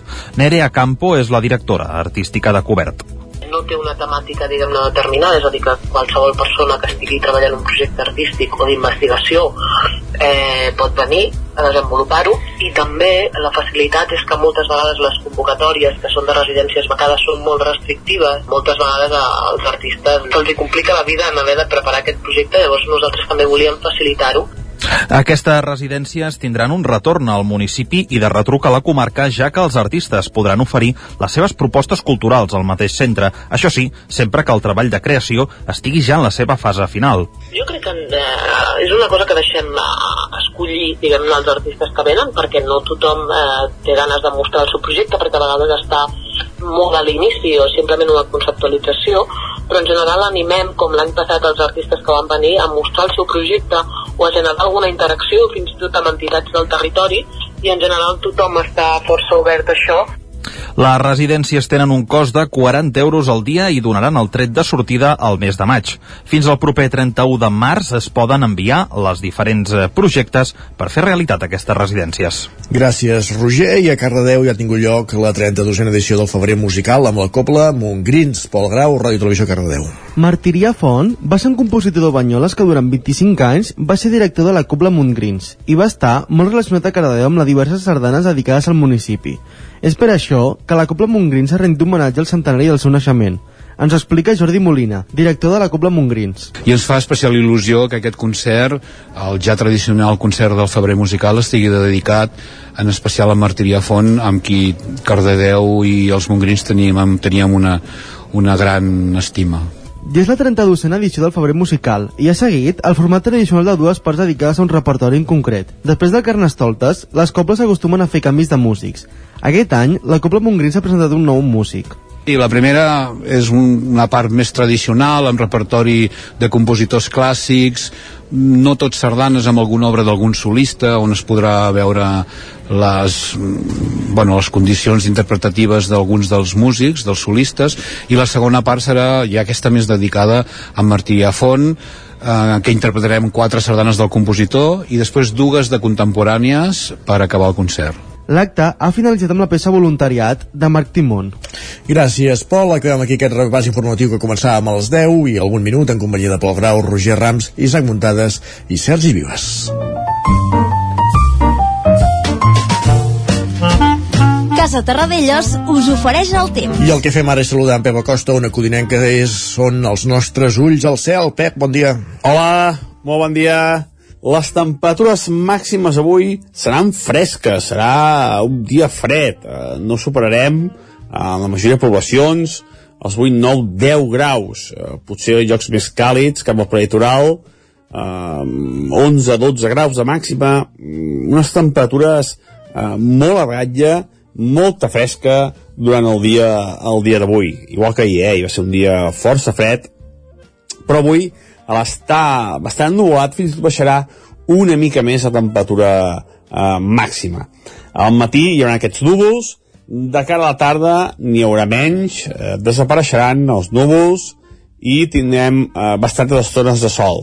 Sol combinat amb núvols. En cap cas serà un dia de sol esplèndid, de sol radiant, eh, ni de bon tros. Eh, em, els vents febles, no tindrem vents ni de component nord ni marítim destacables, eh, vents febles i eh, poca cosa més a destacar. Eh, estem en aquesta situació eh, d'indefinició, no tenim anticicló potent a prop, ni, un, ni la pertorbació a prop, s'està marxant la pertorbació cap a Itàlia, i per tant eh, tenim una situació eh, d'indefinició i que, i que és bastant freda perquè tenim eh, aquesta entrada del que hem tingut el cap de setmana eh, i sembla ser, sembla ser que la setmana que ve mm, pot ser una mica més moguda poden anar passant fronts però en principi seran poc actius i no seran molta puja. Veurem què acaba passant. El que està això, eh? Dia fred, dia de sol i núvols i dia de poc vent. Uh, un dia típic del mes de març, tot i que una mica més fred del que s'ha dit normal. Moltes gràcies, bon dia. I per acompanyar el fred sempre va bé la xocolata, en parlem tot seguit. Casa Tarradellas us ha ofert aquest espai. Perquè avui parlem de xocolata a la Foglen.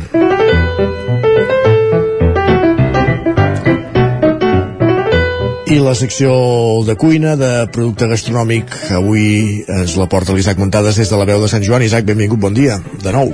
Bon, bon dia, Isaac, bon dia de nou. Doncs sí, la veritat he de dir que a mi m'agrada molt la xocolata, per tant, eh, ja sé on he d'anar ara a partir d'ara quan vagi a Sant Pau de Segúries, i és que fa un temps que la fleca Mir d'aquesta població de Sant Pau de Segúries elabora aquest producte per endolcir els paladars dels seus clients, i per fer-ho, eh, avui també parlarem, ens visiten a l'estudi de la veu de Sant Joan, en Marc Mir i la Mireia Caballero, que són els responsables de la fleca.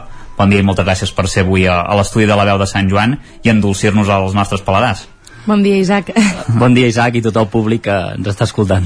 Uh, per començar, m'agradaria que m'expliqués una mica la història de, de la Fleca Mir, eh? que és uh, un negoci familiar, en principi, si no m'equivoco bé, dels teus avis, Marc, i una mica, m'imagino que d'aquí et ve l'afició a la xocolata, i no sé la Mireia com se'n va enamorar també d'aquesta afició. Bueno, clar, jo ens vam conèixer quan, quan estudiàvem pastisseria. Jo just començava i ell ja va acabar. I bueno, arran dels concursos que va guanyar i això, no? amb aquelles figures que feia tan xules, doncs, bueno, mira, vam decidir pujar cap aquí dalt i començar a treballar amb ell.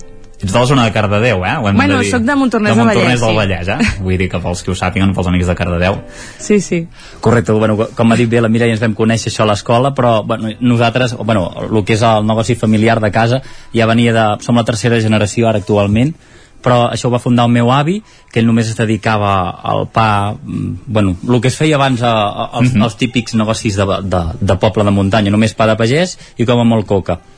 Uh, la segona generació, ja amb el meu pare i la meva mare, ja es van obrir una mica més el ventall, intentar ficar alguna de pastisseria, alguna més de brioixeria, però abans tampoc hi havia tanta competitivitat amb, amb, amb el que sigui de, de, de producte o, o de, de tipus de concret, sinó era algo més senzill. I ara nosaltres doncs, ens especialitzem més a, a cosa completament artesana però amb ingredients sempre de màxima qualitat i, i sempre buscant la gràcia de, de, de la, o la provinença de, de l'ingredient i, i el respecte i la cura amb això. Per això d'aquí va néixer el tema això de la xocolata. De la xocolata. Ara la Mireia ja ho apuntava, que de fet us, vau- us vau conèixer formant-vos. Eh, quina ha estat la vostra formació, diguéssim? L- Bueno, jo en el meu cas eh, em vaig formar primer a cuina i, i després pues, a, a l'escola de pastisseria del Gremi de Barcelona. I, i no sent Marc? Uh, jo la meva vaig començar aquí al Ripollès, a Ripoll, a, a un cicle formatiu de pastisseria. Jo ja tenia claríssim que uh, uh, anava per allà. Uh, no em va servir de molt al principi perquè, clar, un any no tens temps de fer res, menys amb això. Després vaig anar a Barcelona, 4 anys, a, a l'escola de pastisseria del Gremi, i allà clar, mm, ens vam afincar molt mm, amb, amb els processos, amb, amb com fer bé les coses. I després allà gràcies a, a, a tenir bones notes vaig poder anar als Estats Units a Nova York que em, em va tocar una beca a, a l'Institut Culinari dels Estats Units. Només va ser un mes però bueno, sempre aprens moltíssim. I, però on més s'aprèn és el dia a dia treballant. Sí, sí, ara de fet eh, s'ap- s'aprèn això i també va bé que a més a més mentre eh, et vas formant i això i vas poder guanyar dos uh, concursos internacionals de, de figures de xocolata que això uh, és increïble perquè una, un, de, de Sant Pau de Segúries vas guanyar dos, dos premis eh? vull dir, no és algú que vingui de Barcelona o això no, d'un poble més aviat uh, petit. No sé uh, com, com ha anat això com, què vas fer, explica'ns una mica. Va ser mentre eren els estudis a, a, a, que es cursaven a Barcelona doncs s'organitzava el concurs es va, es va veure i, i es, és allò que dius, ostres, per què no m'hi puc presentar? M'agrada la xocolata i, i també m'agrada esculpir o, o, o ser detallista amb coses, doncs provem-ho. Uh, es va provar i a la, a la primera doncs, va, ja va ser la vençuda, o sigui, uh, el 2011 es va, es va guanyar un primer premi, després uh, es va fer un any de repòs, uh, uh, al, al cap de dos anys mm, tercer, i després, ara si no ho recordo malament, també un, un primer i després un segon. Mm -hmm. O sigui, do, uh, dos primers, un segon i un tercer. Deixem-me fer un parèntesi, ara l'Isaac apuntava això, diu de Sant Pau de Segúries a, a guanyar concursos, hem de tenir en compte que ara mateix el millor xocolater del món és d'aquí Santa Eulàlia de Riu Primer eh, feia falta que hi hagués algun premi així, diguéssim, perquè es posés escena el vostre ofici, el- l'ofici de xocolater, diguéssim, arran d'aquest premi per en Lluc Crusella se, se n'ha parlat molt, eh, una mica reivindicar la vostra feina tam, tam, també va, bé amb, aquest tipus de, de reconeixements, oi? Uh, jo, jo crec que uh, el fet d'un concurs, per exemple, encara que haguem guanyat això, eh, és igual, uh, sinó el, el, el millor potser de, del tipus dels concursos és això que comentes bé, reivindicar doncs, que és un ofici molt sacrificat, que vulguis o no mm, té molta dedicació uh, no es veu eh, exactament com és perquè sembla que és, ets un xocolater, és un motllo omplo xocolata i, mm -hmm. i tirem enllà uh, el bo és això doncs, remarcar de dir ostres, hi ha molta feina amb això, molt estudi molt, moltes hores i molt sacrifici Amb què esteu treballant ara? Ja, tenint en compte que estem a un mes i escaig de, de Pasqua, ja esteu treballant amb les mones o, o, o, o quin és el dia a dia de, de, de l'artesà de la xocolata, per entendre'ns? Mm, Bueno, ara, sí, ara ja ens estem començant amb les mones, molta gent ja les porta de temps ja fent-les, nosaltres estem tot just començant ara perquè per temes de feina també a, a vegades és complicat, com que també ara ens, ens fabriquem la xocolata, que de per aquí estem aquí, i, i clar, eh, ens ho anem bueno, més que tot encarant doncs, segons com ve. A- Ara és Pasqua, però enmig tenim que fer pa, també tenim que fer la brioixeria, pastissos, o sigui, és bastant em, complicat. Uh, comentaves això, eh, que us, que us feu la xocolata vosaltres, ara en parlarem, però abans de tot, uh, no sé quines mones uh, triomfaran, què esteu fent, què feu? Bueno, aquest any, de moment, mm, en, encara estem mirant tema de dibuixos i això, però la veritat que s'ha de dir que les nostres mones són mones que no trobaràs potser en altres llocs. No, intentem no fer res comercial, intentem sobretot també que siguin unes mones de temàtica de- d'aquí dalt, de muntanya. Per exemple, l'any passat va tenir molta acceptació un tractor que vam fer, la, les vaques, vam fer també ovelles, algun gos. Uh, aquest any potser tirarem per fer alguna tipus camper o, o alguna, alguna tenda de campanya, però sobretot això, el, el fet de que siguin mones que només les puguis trobar amb temàtica d'aquí dalt. Mm -hmm, això és molt important i comentàvem això, eh, que la xocolata la feu vosaltres, eh? que això eh, deu ser una cosa que no és molt a, eh, habitual, no sé d'on porteu a, a, el cacau i, i com aquell que deia fèiem broma amb en Marc a, a, abans of the record eh, n'havíem parlat que només us faltaria plantar-la no? em, va, em va dir ell perquè realment la climatologia ho impedeix però si no la plantaríeu m'imagino també eh? explica'm una mica això això de, es, es nomena Vintubar perquè, bueno, ho diem així en anglès perquè on es va començar més és als Estats Units, que és on està més afincat i, i més tirat endavant. Uh, ja fa anys que es fa. Nosaltres ja hi vam posar ull fa bastant però mm, tema maquinària, aduanes era molt complicat tot. Mm, clar, mm, són maquinàries grans era impossible de dur a terme, també la compra del cacau. Uh, gràcies a anar-se extenent també als Estats Units ha arribat a Europa i, i gràcies a arribar a Europa doncs, ja hi ha bastanta gent que s'ha tirat del dret a fer això perquè és com qui fa un bon vi artesà, una bona cervesa perquè no tocava doncs, la xocolata. La xocolata s'havia oblidat molt, a nivell de pastissers eh, tothom diu que és xocolater, però jo crec que ser xocolater és també fabricar-te la xocolata, no només dir la compro en una gran empresa i la mhm. treballo, sinó ens la fem i després la treballem i la gràcia d'aquest procés és que comprem el cacau per orígens, cada origen té un sabor, cada anyada té un sabor, eh, hi han barreges, hi han qualitats, eh, eh, la gràcia d'això és poder-te triar tu mm, quin tipus de cacau i després ens, eh, eh, tot el cacau d'Europa, un 95%, entra per Holanda i cada país d'Europa doncs, l'absorbeix, digues grans empreses com petits productors i nosaltres és això, els comprem al Port d'Holanda eh, parlem amb catadors mm, seleccionem el tipus que a nosaltres ens quadra més o ens agrada més de tema gustos i un cop arriba a casa doncs després ja el, el, el produïm el torrem a baixa temperatura, no maltractant-lo com fa la indústria, no el rebaixem amb cap grassa poc mm. saludable i clar, aquí et treus el cacau al teu gust mm -hmm. Formeu part del de la marca Producte Garantia del Ripollès? Sí, la veritat que ara em sembla ja que farà quasi un any que som producte del Ripollès i molt contents, la veritat. Mm -hmm. Per anar acabant, queda, ens queda poc temps, però ara ho explicarà una mica en Marc, eh? Què caracteritza la vostra xocolata? Perquè el fet de fer-se-la és això, eh? Explicaves alguns detalls, no?, això de, de les grasses, bueno, explicar-ho una mica, que, quin sabor té, té, té alguna cosa especial que, que es pugui dir? El més especial és que, clar, el gust és impressionant i no està emmascarat per gust ni d'oli ni gust de sucre també hi ha, hi ha una tradició eh, molt estesa que, eh, sobretot la gent gran, que diu la xocolata com més negra i més fosca és, mm -hmm. més bona és. Això no és correcte perquè eh, és perquè està cremada la xocolata. A la indústria li interessa torrefactar-la moltíssim, per així la pot rebaixar amb una grassa i equilibra molt el gust. Realment és poc saludable això nosaltres preservem això, l'ingredient, que per això ens vam tirar del dret a fer això, a donar un producte de qualitat i, i, i, i personal, amb, amb el nostre toc i, i vulguis o no, clar, mm, tot, uh, tot els, els sabors, uh, els aromes que... És com un bon vi, o sigui, uh -huh. uh, hi ha qui és entès amb bon vi i et dirà només amb l'olor, el repòs... Uh, nosaltres amb la xocolata també, a part de, de només dir el fet aquest de, de no torrar-la, a part també la, la tenim amb un molí de pedres, o sigui, uh -huh. no es maltracta. Està tres dies voltant sense parar. Després la, la deixem madurar, cada xocolata té un temps de maduració diferent i quan ha madurat després la, la, la posem en, en tauletes, bueno, amb rajoles de xocolata o bé mm -hmm. la mhm. fem servir també per l'obrador en pastisseria. Mm -hmm. Marc Mir, Mireia Caballero, de la Fleca Mir de Sant Pau de Segúries, ens heu fet venir ganes de menjar xocolata i de fer cap cap, a, cap al forn Mir, eh, cap a la Fleca Mir a, a tastar-la. Moltíssimes gràcies per ser avui aquí al Territori 17 al, Moltíssimes gràcies, gràcies. Gràcies també, Isaac, per acompanyar-nos una estona més. Fins ara. A vosaltres, adeu. Ja I nosaltres el que fem tot seguit és una petita pausa al Territori 17 i encarem la recta final, piolades amb en Guillem Sánchez i acte seguit parlem de cinema. Ja ens esperen també a la veu en Joan Garcia i en Gerard Fosses. És el que falta per completar el territori 17 d'aquest matí de dijous. El nou FM, la ràdio de casa, al 92.8. Les biblioteques municipals també som més que un club. Amb més de 2 milions d'usuaris, som el club amb més carnets. A la xarxa de biblioteques municipals de la província de Barcelona compartim lectures, cultura i coneixements. Només hi faltes tu. Visita bibliotecavirtual.diva.cat. Fes-te el carnet i gaudeix de tots els seus avantatges. Diputació de Barcelona.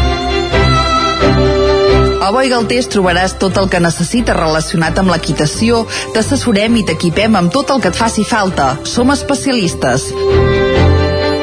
No ho dubtis i vine a Boi Galtés. Ens trobaràs al carrer Jaume I de Vic, número 5, al 93 886 1420. A la nostra web www.boigaltés.es i també som a Instagram boigaltés.equitació. Cefusol, centre de formació de soldadura GURB. Som especialistes en processos de soldadura. Disposem d'instal·lacions totalment equipades per classes de teòrica i pràctica amb cabines individuals i equipaments de seguretat. Assessorem empreses i oferim cursos subvencionats i bonificats. Vine i t'informarem. Cefusol, som al carrer Sant Roc, número 9 de GURB. Telèfon 664 206 192. També ens trobaràs a cefusol.com i a YouTube. Ajuntament de Gurb. Amb motiu de les activitats del 8 de març, podreu veure l'espectacle Sabates Vermelles l'11 de març a les 8 del vespre i Marina i el somni de volar el 19 de març a dos quarts de 12 del migdia al Teatre Morir de l'Esperança. A més, a partir del 8 de març i fins a final de mes, a la sala d'exposicions de l'Ajuntament hi trobareu l'exposició Ser Dona. Més informació al punt jove de Gurb. Bon dia, us truco del servei tècnic oficial de Bailand. Hem detectat que la pressió de la seva caldera està baixant. No me n'havia adonat. Com es pot solucionar? Ho resoldrem en uns minuts. No espereu més. Amb el servei de manteniment ServiPlus Connect de Bailand, preocupeu-vos del que realment importa. Nosaltres ens encarreguem de la vostra caldera. Informeu-vos a connectivitat.bailand.es. El nou FM, el nou FM, el nou FM, el nou FM.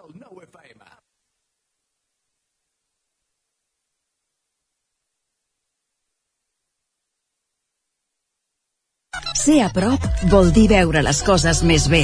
Apropa't al que t'interessa amb la xarxa Més. La teva plataforma audiovisual de qualitat, proximitat i gratuïta. Gaudeix dels continguts de més de 30 televisions locals i podcast quan, com i on tu vulguis. Entra a la xarxa més.cat i descarrega't l'app. El nou FM, la ràdio de casa, al 92.8.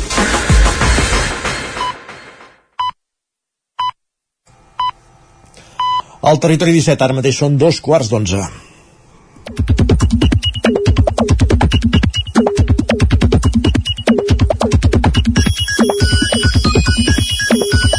I a l'estudi del 9FM ens acompanya, com no podia ser d'altra manera, en Guillem Sánchez. Benvingut, bon dia. Bon dia. Ara, pel mateix preu, t'obrim el micro Ara sí. Ara i sí ens que expliques què és el que has trobat a Twitter. Doncs va, necessitem que plogui de manera urgent. Això Exacte. fa, fa molts dies, eh? Però molts, fa, eh? fa molts dies que ho diem, però em sembla que mai ho havíem destacat com a secció de, de Twitter, per tant avui anirem a repassar algunes pilades que van en aquest sentit i que parlen de la manca d'aigua en un indret tan icònic com és el Pantà de Sau. Va, llegim per Aquí hi ha, exemple... aquí hi ha una mica de trampa, eh? Deixa'm-ho dir. Ja, ja sé que som molt eh, pesat. És evident que hi ha sequera, ningú negarà. Però clar, que fa molt temps que es desembassa de Sau cap a Susqueda també, eh? també és cert També, i per sí, tant sí. el desembassar és una, és una maniobra una acció humana artificial diguéssim que, mm, que evidentment que, que es vegi l'església de Sau és eh, sinònim de sequera però, però el destapament no és exclusiu No, no, no, de fet, de, hem- de la falta de pluja hem de- també, també hi ha hagut acció humana Explicar que el que es fa és que s'accelera aquest desembassament. Exacte, exacte. Doncs Va, va, dit això, ja lle- està. Llegim primer Narcís, va, que diu No pensen traslladar ara que ha quedat el descobert el campanar de Sau a un altre lloc? Diu, és romànic. Home, seria molt fort, no? Home, al mig de la plaça de Vic, ja, ja li veig. De fet, li respon en Ramon, que diu el campanar de Sau no és romànic, diu és un pluviòmetre gegant només. També. De fet, sí, sí, ara... Què ets, de, què ets de Sau, precisament? Sento un... aigua barreig de fons que... I bona aportació també a la Maria Nicolau, que ens diu Jo no hi entenc res, però això del desembassament de Sau em fa pensar en Jordi Soler i en com a vegades l'assecament d'una bassa fa que mori la fauna invasora i suposa un, una nova oportunitat per la fauna autòctona de reconquerir el seu espai. Diu, què hi diuen els naturalistes? Ai, ai. És interessant tot el fil de, de respostes que té darrere aquesta dona amb aquesta piolada. I jo li he destacat una de les respostes d'en Jordi, que suposo que ho diu en to irònic, ho dic ja, Ja, ara ja, abans ja. de llegir la piulada, i que ens escriu Jo proposo fer una festa d'aprofitament, diu graellada de carpes i silurs, quedada tuitera al pantà, cantada de veneres i rom cremat, imprescindible botes i roba seca per després. Tu menjaries carpa o silur a la graella i a més sabent que ha sortit de Sau? Uh, em reservo la meva opinió, Isaac. D'acord. Va, la Neus vol que les seves ac- accions també ajudin a omplir el pantà i escriu per Twitter el pantà de Sau té tan poca aigua que pots entrar a les cases de baix de tot. És emocionant i fantasmagòric. Diu, seguiré cantant a veure si plou. Les cases de baix de tot, home, encara hi ha aigua allà, eh? Encara hi passa aigua. Diuen que el punt més baix, el que no s'ha arribat a descobrir mai, és uh, si encara hi ha restes del pont que hi havia en el seu dia per, tra per travessar el riu el dia que veiem el pont llavors potser Esperem sí, no haver-hi d'arribar mai, esperem no, no veure'l mai. Va, i com valores aquest tuit de l'Arnau, Isaac? Què diu l'Arnau? Diu, em sembla que si en comptes de buidar el pantà de Sau buidessin el de Susqueda, en Carles Porta tindria 3 o 4 temporades més de crims només del que arribaria a sortir. Qui et diu que no sortirien també crims del pantà de Sau? Correcte. Va, veure el pantà així és una situació que no agrada, com tampoc el que s'ha trobat aquests dies la Mireia, que ens ho comparteix així per Twitter. Diu, Hisenda m'acaba de fer una inspecció, però no és res comparat amb tenir un home malalt a casa, Déu meu senyor, quin martiri. Carai. Per ella, pitjor tenir un home malalt a casa que no pas que Hisenda et faci una Inspecció. inspecció. Bé, en Jaume li respon, eh? diu, l'home es curarà i sortirà de casa. Diu, en canvi, Hisenda és eternal. Carai. S'ha de ser positiu sempre. Va, i molt a favor de l'opinió de l'Andreu que ens diu falten xurreries a Catalunya. Valoració, Isaac? En falten o no en falten? Home, pensa que jo sóc del poble de la xurreria Ramos. Per tant? Que Ramos és Déu. Per tant? I quan diem que Ramos és Déu és perquè és omnipresent. Tu vagis a la festa major de Catalunya on vagis, hi ha la xurreria Ramos. Per tant, no sé si em fan falta. De fet, en aquest sentit, la Sara ens fa el millor resum. Diu, les millors són, evidentment, les ambulants.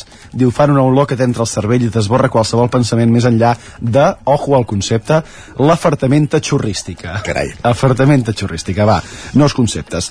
Uh, comprar menjar en llocs de venda ambulants potser seria per això una bona solució per a aquesta usuària que ahir ens deia això. Diu, són les 9 de la nit i ni sopada, ni allitada, ni amb esmorzar per demà preparat. Diu, així no es pot anar.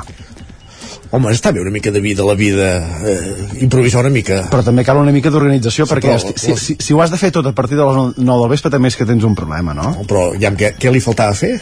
Diu, no estava ni sopada, que això pot ser, Sopada. ni allitada, també, i no s'havia preparat l'esmorzar per demà. Va, diguessis, di, diguessis el dinar de 3 dies, però només s'ha de fer l'esmorzar per l'endemà i sopar. L'opció de posar-se al llit és més senzilla, no? Potser li pot demanar sobres a la, a la Neus, que avui m'ha fet venir gana, que ens escriu Què diu la "Av- Neus? avui per sopar croquetes de calçots, nyam, i croquetes de rostit. Carai, tu. Jo ja afirmo, eh? Que em digui on viu i, ostres, anem a fer una visita. Una croquetada. I per acabar setmana de tuits, una reflexió de la mà d'en Jaume. Eh, M'estava partint la caixa quan ho estava Ai, ai, llegint. ai. Diu, en un examen de cultura clàssica, quart d'ESO, un alumne m'ha posat que Ròmul i Rem van ser alletats per, atenció, una orca. Diu, estic expiant pecats del meu rebesavi com a mínim. Ja, però m'agradaria ara eh, parlar amb l'alumne i explicar d'on ha tret l'orca, clar. Perquè potser hi ha alguna explicació que se'ns escapa. Jo crec que en els apunts devia apuntar malament alguna paraula i ho devia buidar així a l'examen i no sé, no sé si una orca té la capacitat de o va tenir la capacitat de lletar Ròmul i Rem fa uns quants segles ja a la Roma, a la Roma clàssica. Gràcies, Guillem. Va, Bon que vagi molt bé. Parlem demà, eh? Demà Sí, parlem demà. Vinga, que vagi bon molt dia. bé. Adéu. I al Territori 17 el que fem nosaltres tot seguit és anar cap al cinema. Allà ens hi esperen en Joan Garcia i Gerard Fosses des de la veu de Sant Joan per saber les estrenes de la setmana a les sales de casa nostra i també la cartellera. Som-hi, anem cap a la veu de Sant Joan.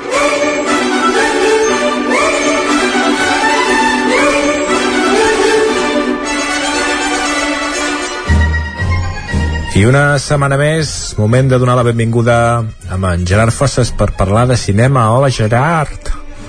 Hola, què tal? Com va això? Doncs molt bé, molt bé, amb, amb ganes de, de seguir parlant de cinema, sobretot, i sobretot de, de l'Europa. Molt bé. Hi ha hagut uh, premis i coses, no, també? Ara, no, em sembla, no sé, ara, perdona, eh? Ara t'ataco i no he vist pas el guió. No, no, no n'havíem de parlar. Però hi ha, hagut, hi ha hagut premis, no? Ara fa una estona veia un altre discurs d'en de, Brendan Fraser. Uh. Bueno, van donar el César el cap de setmana passat i em sembla que donaven el del, el del gremi de no sé què, ara no me'n recordo. Mm. Sí que va guanyar Brendan Fraser, va guanyar la Michelle Yeoh també, Mm. amb actors, sí, ara no me'n recordo. És que no, ja no me'n recordo quins premis, com que ja en donen tants. Sí, sí, sí. sí. Uh, ara ja s'acaba ja amb els Oscars, que són la, el cap de setmana que ve. O sigui, no aquest, eh, sinó el següent, el del 12 de març. Mm -hmm. Uh, per tant, ja, ja, ja donem els premis per acabats fins, mm. fins, fins, fins al Festival de Cants, que ja començaran a, a haver-hi run-run. Mm. I cert, el- els Cèsars que em sembla que, en, que Albert Serra el- se- se'n van dur tres, eh? Bueno, no tots ells, sí. sinó que el seu equip. Sí, va guanyar el de, el de millor fotografia també, que també és uh, català, el director de foto, i sí, ens hem agafat fer 3 de 9, o sigui que bastant bé. Mm. De fet, el director de fotografia, si no ho tinc mal entès, és Territori 17, diria que és de, Sí, és de Vic. És, és de Vic, eh? Sí, sí. Es diu Artur, ara no recordo el cognom, però sí, sí. Doncs l'enhorabona. Uh, molt bé. Som-hi. Que, sí, que, bueno, pa, digues, digues. que sapigueu que, que, que vindran a, presentar Pacific Fiction al, al Cineclub de Vic, em sembla que és el 14 de març, o sigui, Ah. que és una, una cita bastant interessant. Doncs sí, segurament estarà a petar. Um, anem a fer un repàs a, a les estrenes d'aquest cap de setmana. Som-hi. Què comencem? A veure, la primera és una pel·lícula amb caire esportiu, eh, és una, una seqüela de, ja d'una saga molt longeva i coneguda, eh, que va començar amb Rocky i ha continuat amb Creed, concretament amb Creed 3. Estos últimos siete años de mi vida han sido un auténtico sueño. Bianca, Rocky, mi padre. Todo esto se lo debo a ellos.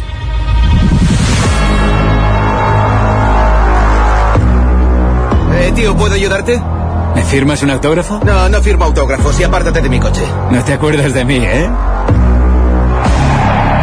És una seqüela d'una seqüela, no entenc?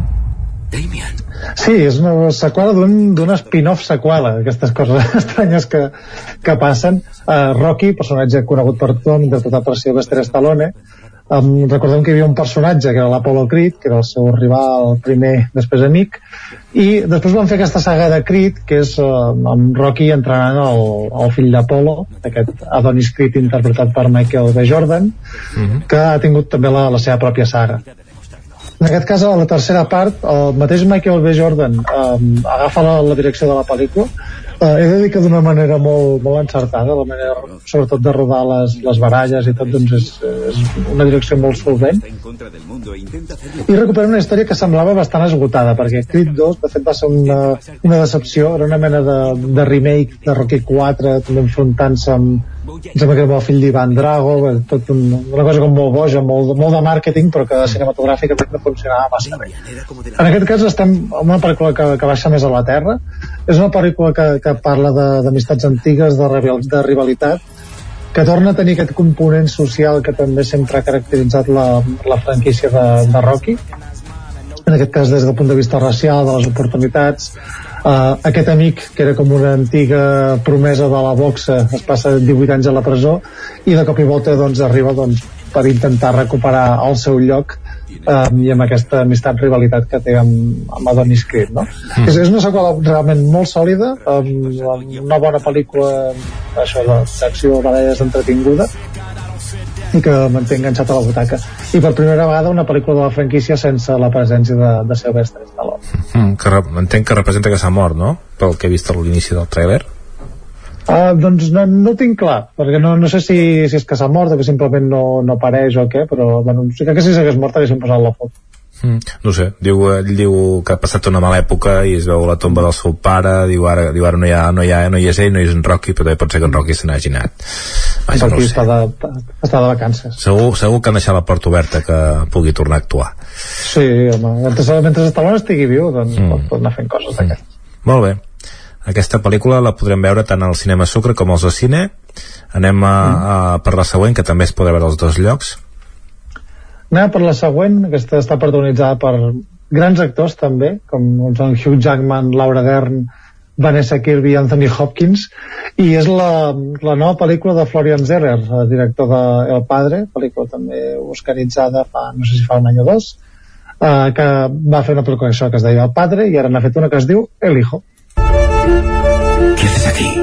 Nicolás lleva casi un mes sin ir al instituto. Quería saber cómo estás. ¿Ha pasado algo? ¿Eres consciente de que pueden expulsarte? ¿Puedo vivir contigo? Dices que no conectas mucho con los de tu edad. Tu otro hijo también te necesita y siempre estás trabajando. ¿Ha hablado contigo de nuestro divorcio? Molt bé, ja tenim alguns ingredients inicials, eh? Sí, de fet segueixen bastant en la línia de, del que era el padre. També recordem que Florian Zeller era autor de, de l'obra del padre també és autor de l'obra de l'Hijo i és la seva segona adaptació cinematogràfica. Eh, però s'ha de dir que és, una pel·lícula que decep molt sobretot després del seu debut. De fet el, el padre doncs, um, diguem que aprofundia dintre del que és la malaltia de, de l'Alzheimer a través del llenguatge cinematogràfic amb una narrativa molt descol·locada que ens posa molt a, a la pell i als sentiments d'Anthony Hopkins i en aquest cas abordant també el tema de, de la malaltia mental en aquest cas eh, a la pell d'un adolescent que és problemàtic, que és distant, agressiu eh, que també té algun tipus de, de trastorn doncs el que agafa és una versió molt, una visió molt més distant no? en aquest cas el protagonista no és tant el, el jove sinó el pare que, que, bé, que, que està separat que, que està amb una altra parella i que la, la seva exdona el truca perquè el seu fill adolescent doncs, està amb aquests problemes no? perquè també s'involucri i en aquest punt doncs, això agafa més eh, distància diguem que és una pel·lícula molt menys immersiva que per, per moments es fa pesada perquè és tot molt eh, converses que no porten massa lloc pel que t'ha d'explicar. Diguem que és un retrat molt diferent i molt menys encertat al meu pare de, del que és el, el trastorn mental i és una llàstima perquè això amb un càsting tan potent a la pel·lícula eh, és, és una pena que auto, no, no estigui acompanyada també d'un llenguatge cinematogràfic diguem, més encertat o més adient de, per l'ocasió. Mm -hmm. També surt l'Anthony Hopkins, però no hi ha cap mena de relació mm. entre les dues pel·lícules, eh? No, no, en aquest cas no. És, és més una relació temàtica no, d'un univers comú, en aquest cas això, al voltant de la malaltia mental, que no pas que, que sigui una seqüela, ni spin-off, ni res d'això. Molt bé. Aquesta també es podrà veure als dos cinemes, al Sucre i al Cine, i la següent es podrà veure al cinema en lloc. En lloc no es ah, podrà lloc, veure. Com sempre. No, però ja saps que m'agrada destacar aquest tipus de pel·lícules que apareixen a les nostres cartelleres, entre cometes, eh, per si algú doncs, té ganes d'excavar i, i buscar-la, doncs crec que és un, una pel·lícula que, que val molt la pena. Te dic, no, no l'he vist, eh, però, però realment em, em promet bastant, eh, que es titula Tu, Leslie. Leslie, ¿qué se siente al ganar una cantidad de dinero que le puede cambiar la vida? No lo sé, pero me encuentro mucho mejor que ayer.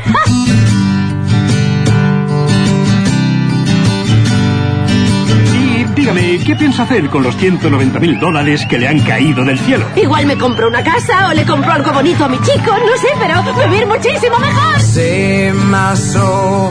Quiero volver a ser una buena madre. ¿Se fundió toda esa pasta? Toda. ¿Y dónde he estado? Me tocó la lotería. Soy la afortunada de la loteria.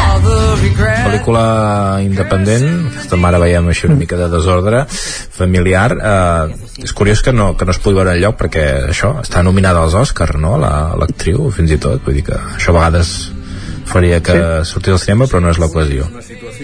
No, no, no sembla que no és prou reclam per, per aquests cinemes del nostre territori a veure si arriba, no sé, en, en termes de cineclubs o no, sí que la Gaudí, òbviament no, però, però vaja, a veure si, si apareix per les nostres cartelleres i, i em sembla molt interessant perquè és una pel·lícula basada en fets reals, primer de tot, i està basada en, en la història d'una mare soltera de, de Texas que va guanyar la loteria i el que va fer doncs, va ser despilfarrar el premi. Uh, això, amb festes, amb alcohol, amb compres absurdes, i, i, clar, i òbviament doncs, aquesta riquesa de cop i aquesta baixada a l'infern de cop doncs, la va convertir en una persona completament eh, repudiada. I, i la història és de com ella um, intenta acudir al seu fill que ja, ja adult doncs per intentar recuperar el rumb de la, de la seva vida um, òbviament sempre se'n destaca la interpretació femenina d'Andrea Risenbrough. Uh, també Marc Manon i la, que és el que fa de fill amb aquesta química que tenen. Però em sembla molt, una pel·lícula molt interessant perquè el cinema americà sí que que s'ha d'encertar bastant amb aquesta visió independent de personatges perdedors que tenen a veure amb el trauma, amb l'addicció. Uh, aquest punt anticapit anticapitalista dintre del món més capitalista que hi ha, no? que, que és als Estats Units i com a, aquesta reflexió sobre el, el que de veritat és important a, a la vida no? a més a més en una pel·lícula que ja només falta que es veu molt enèrgica es veu molt rica també a nivell eh, cinematogràfic i em sembla d'aquestes que prometen molt no? com a, en sentit de pel·lícules d'anys anteriors com per exemple Wild Rose també la, la noia que, que volia ser cantant de country malgrat ja ser una persona adulta amb un fill haver anat a la presó i tot uh, aquest tipus d'històries de perdedors que intenten reordenar la seva vida sempre hi ha com una reflexió molt, molt interessant al voltant o no sé si és una temàtica que simplement m'interessa a mi per motius que desconec mm -hmm. molt bé doncs uh, ja la tenim ja tenim les tres estrenes de la setmana i mm. abans de, de passar altres notícies també dic que s'estrena una sèrie que, vaja, a mi m'interessa perquè en veig poques i, i com que és una mm. continuació doncs aquesta mi segurament n'hi faré parada. Sí, aquesta l'enganxarem, jo també l'he anat seguint, que és la temporada 3 de, de Mandalorian. Uh, aquesta sèrie com que va tornar a catapultar l'univers Star Wars després d'aquestes decepcions amb la, amb la nova trilogia. Realment és l'única sèrie probablement juntament amb Andor de, de Star Wars que realment està funcionant bé. I s'ha de veure si aquesta tercera temporada doncs, és capaç de mantenir el llistó de, de la primera i de la segona però bé, suposo que no sé si aquesta setmana o la següent els nostres companys de, que parlen de sèries ja, ja en parlaran mm -hmm. Molt bé uh, seguim parlant d'actualitat també i de, i de, i de sèries però també de pel·lícules d'aquesta plataforma que, que, que ha arribat també una altra una plataforma nova eh? uh, Sky sí? Showtime Sí, a més molt encertat el timing, no? Ara que Netflix està fent això de, dels sí. comptes, de que no es poden compartir, no sí, sé què. Sí, m'he donat de baixa. Ah, ah doncs, oita, un mes.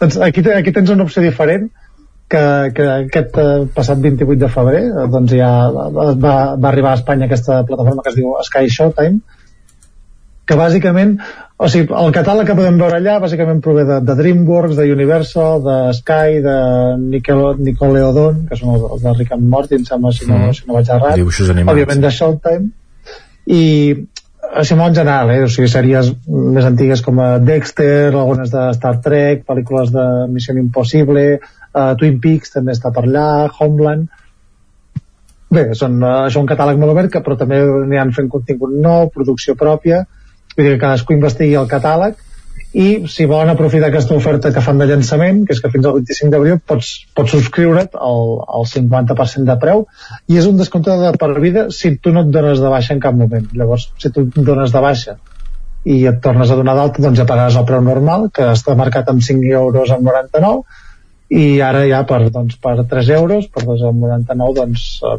pots entrar a la plataforma Showtime i, i disfrutar de tots els seus continguts. I el que comentaves, eh, que té truc eh, que em sembla que si ho fas des de l'app vaig llegir et sortirà el preu de 5 mm. euros i alguna i la, la, per, per fer la subscripció s'ha de fer per, per web.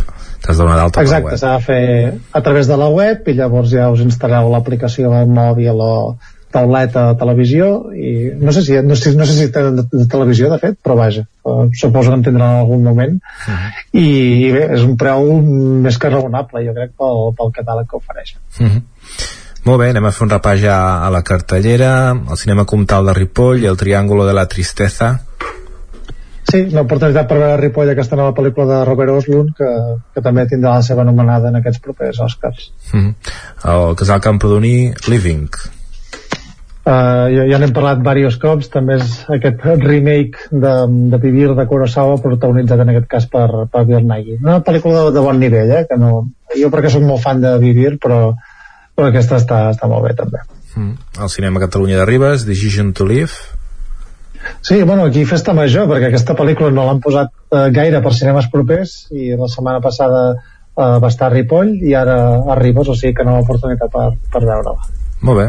El cinema L'Ambra de la Garriga deixo que tu que tu eh, doncs eh, m'ho expliquis, perquè vaig a fer uns càlculs per dir una cosa. Sí, sí mira, aquí tot és fàcil. Aquí el rànquing que ens interessa, que és aquí porta més setmanes, Vestes es manté, va amb 14a setmana, eh, tercera per la Ballena, i segona setmana, que torna després de bastant temps, la, la, el Mas en Pena de uh, a més a més això d'altres projeccions que fan amb, amb taula rodona i amb, amb contra mm. Mm. ara està mirant això d'asbestes eh? perquè mm. a la Garriga hi ha 16.227 persones vale? Mm -hmm. um, fan tres sessions d'aquesta pel·lícula aquesta setmana o un cop potser n'han fet mm -hmm. més vale? Mm -hmm. uh, tres sessions per setmana per 14 setmanes per, posem 300 persones que potser caben al teatre o al cinema, que potser són més. Vinga. són 12.600 ja més de la meitat de la Garriga podria haver anat a veure les ja, siguessin un pla pues mira, Uh, doncs encara falten, encara falten, es pot mantenir encara més setmanes i m'agradarà veure quina pel·lícula supera això, estarem, sí, sí. estarem al cas. Sí, sí, igual es van deixar la cinta allà i van aprofitar. Sí. No, no l'haurem posat, eh? no l'haurem a recollir i pues la posem que és gratis que la tenim Exacte. aquí uh, a l'Esbarjo Cardedeu Silent Land Sí, també una pel·lícula que hem anat anomenant, que ha trobat el seu circuit eh, voltant quasi bé de mà en mà per, per cinemes d'aquests eh, més petits. Eh, una pel·lícula polonesa que també parla sobre eh, la lluita de, de classes. A l'Alter de Torelló i Herbe. Sí, aposten per aquesta pel·lícula anglesa, que és, que és tot un pla seqüència d'un cuiner que, que treballa en una cuina atrafegadíssima d'un restaurant de, de luxe, i realment és un thriller molt trepidant.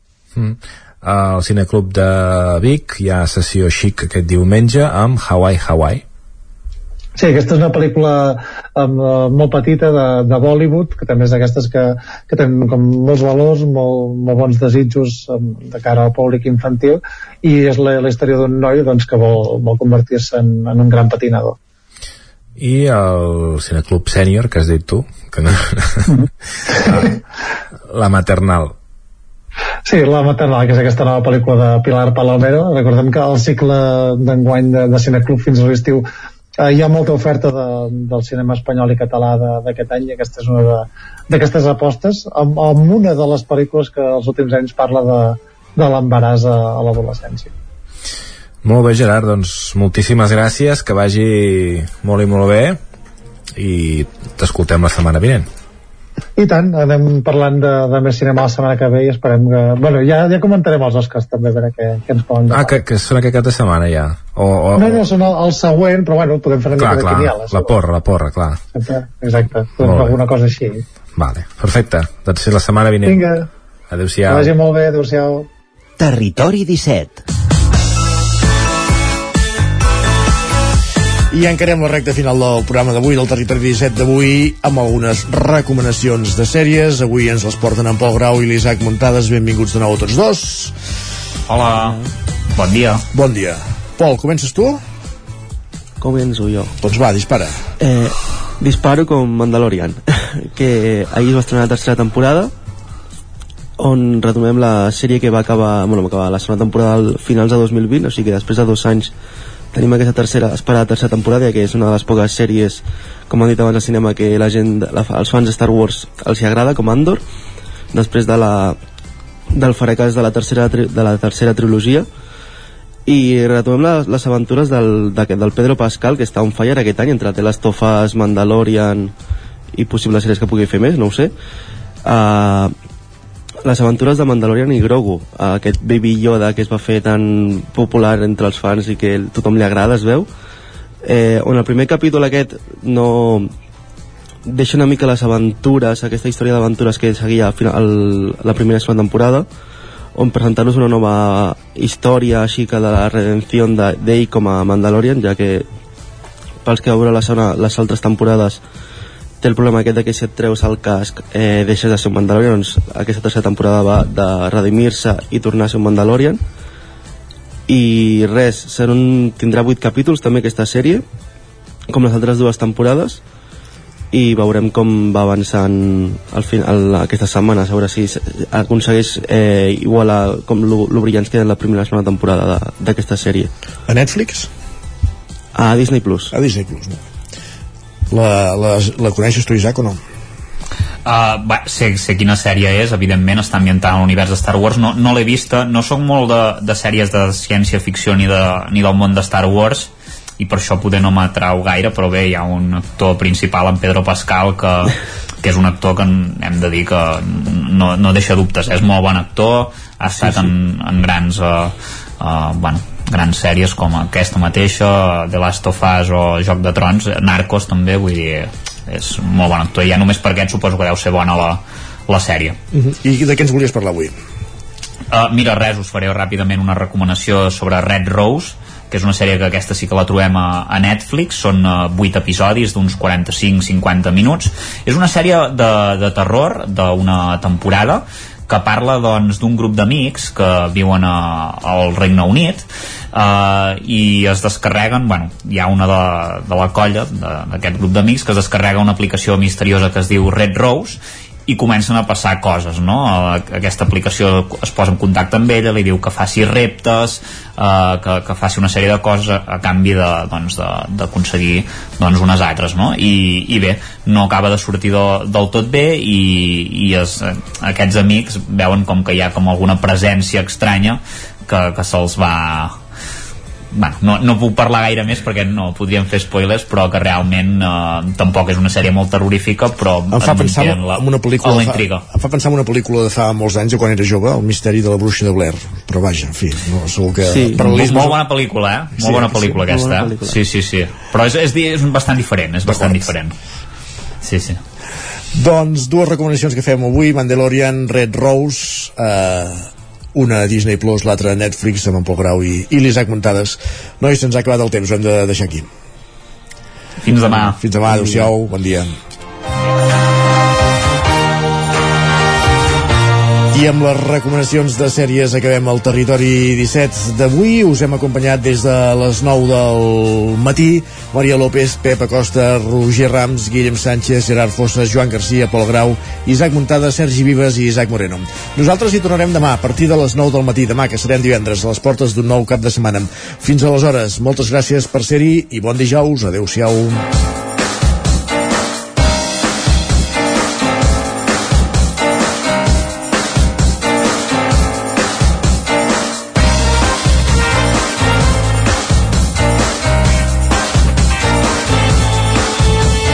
Territori 17, un magazín del nou FM. La veu de Sant Joan, Ona Codinenca i Ràdio Cardedeu amb el suport de la xarxa.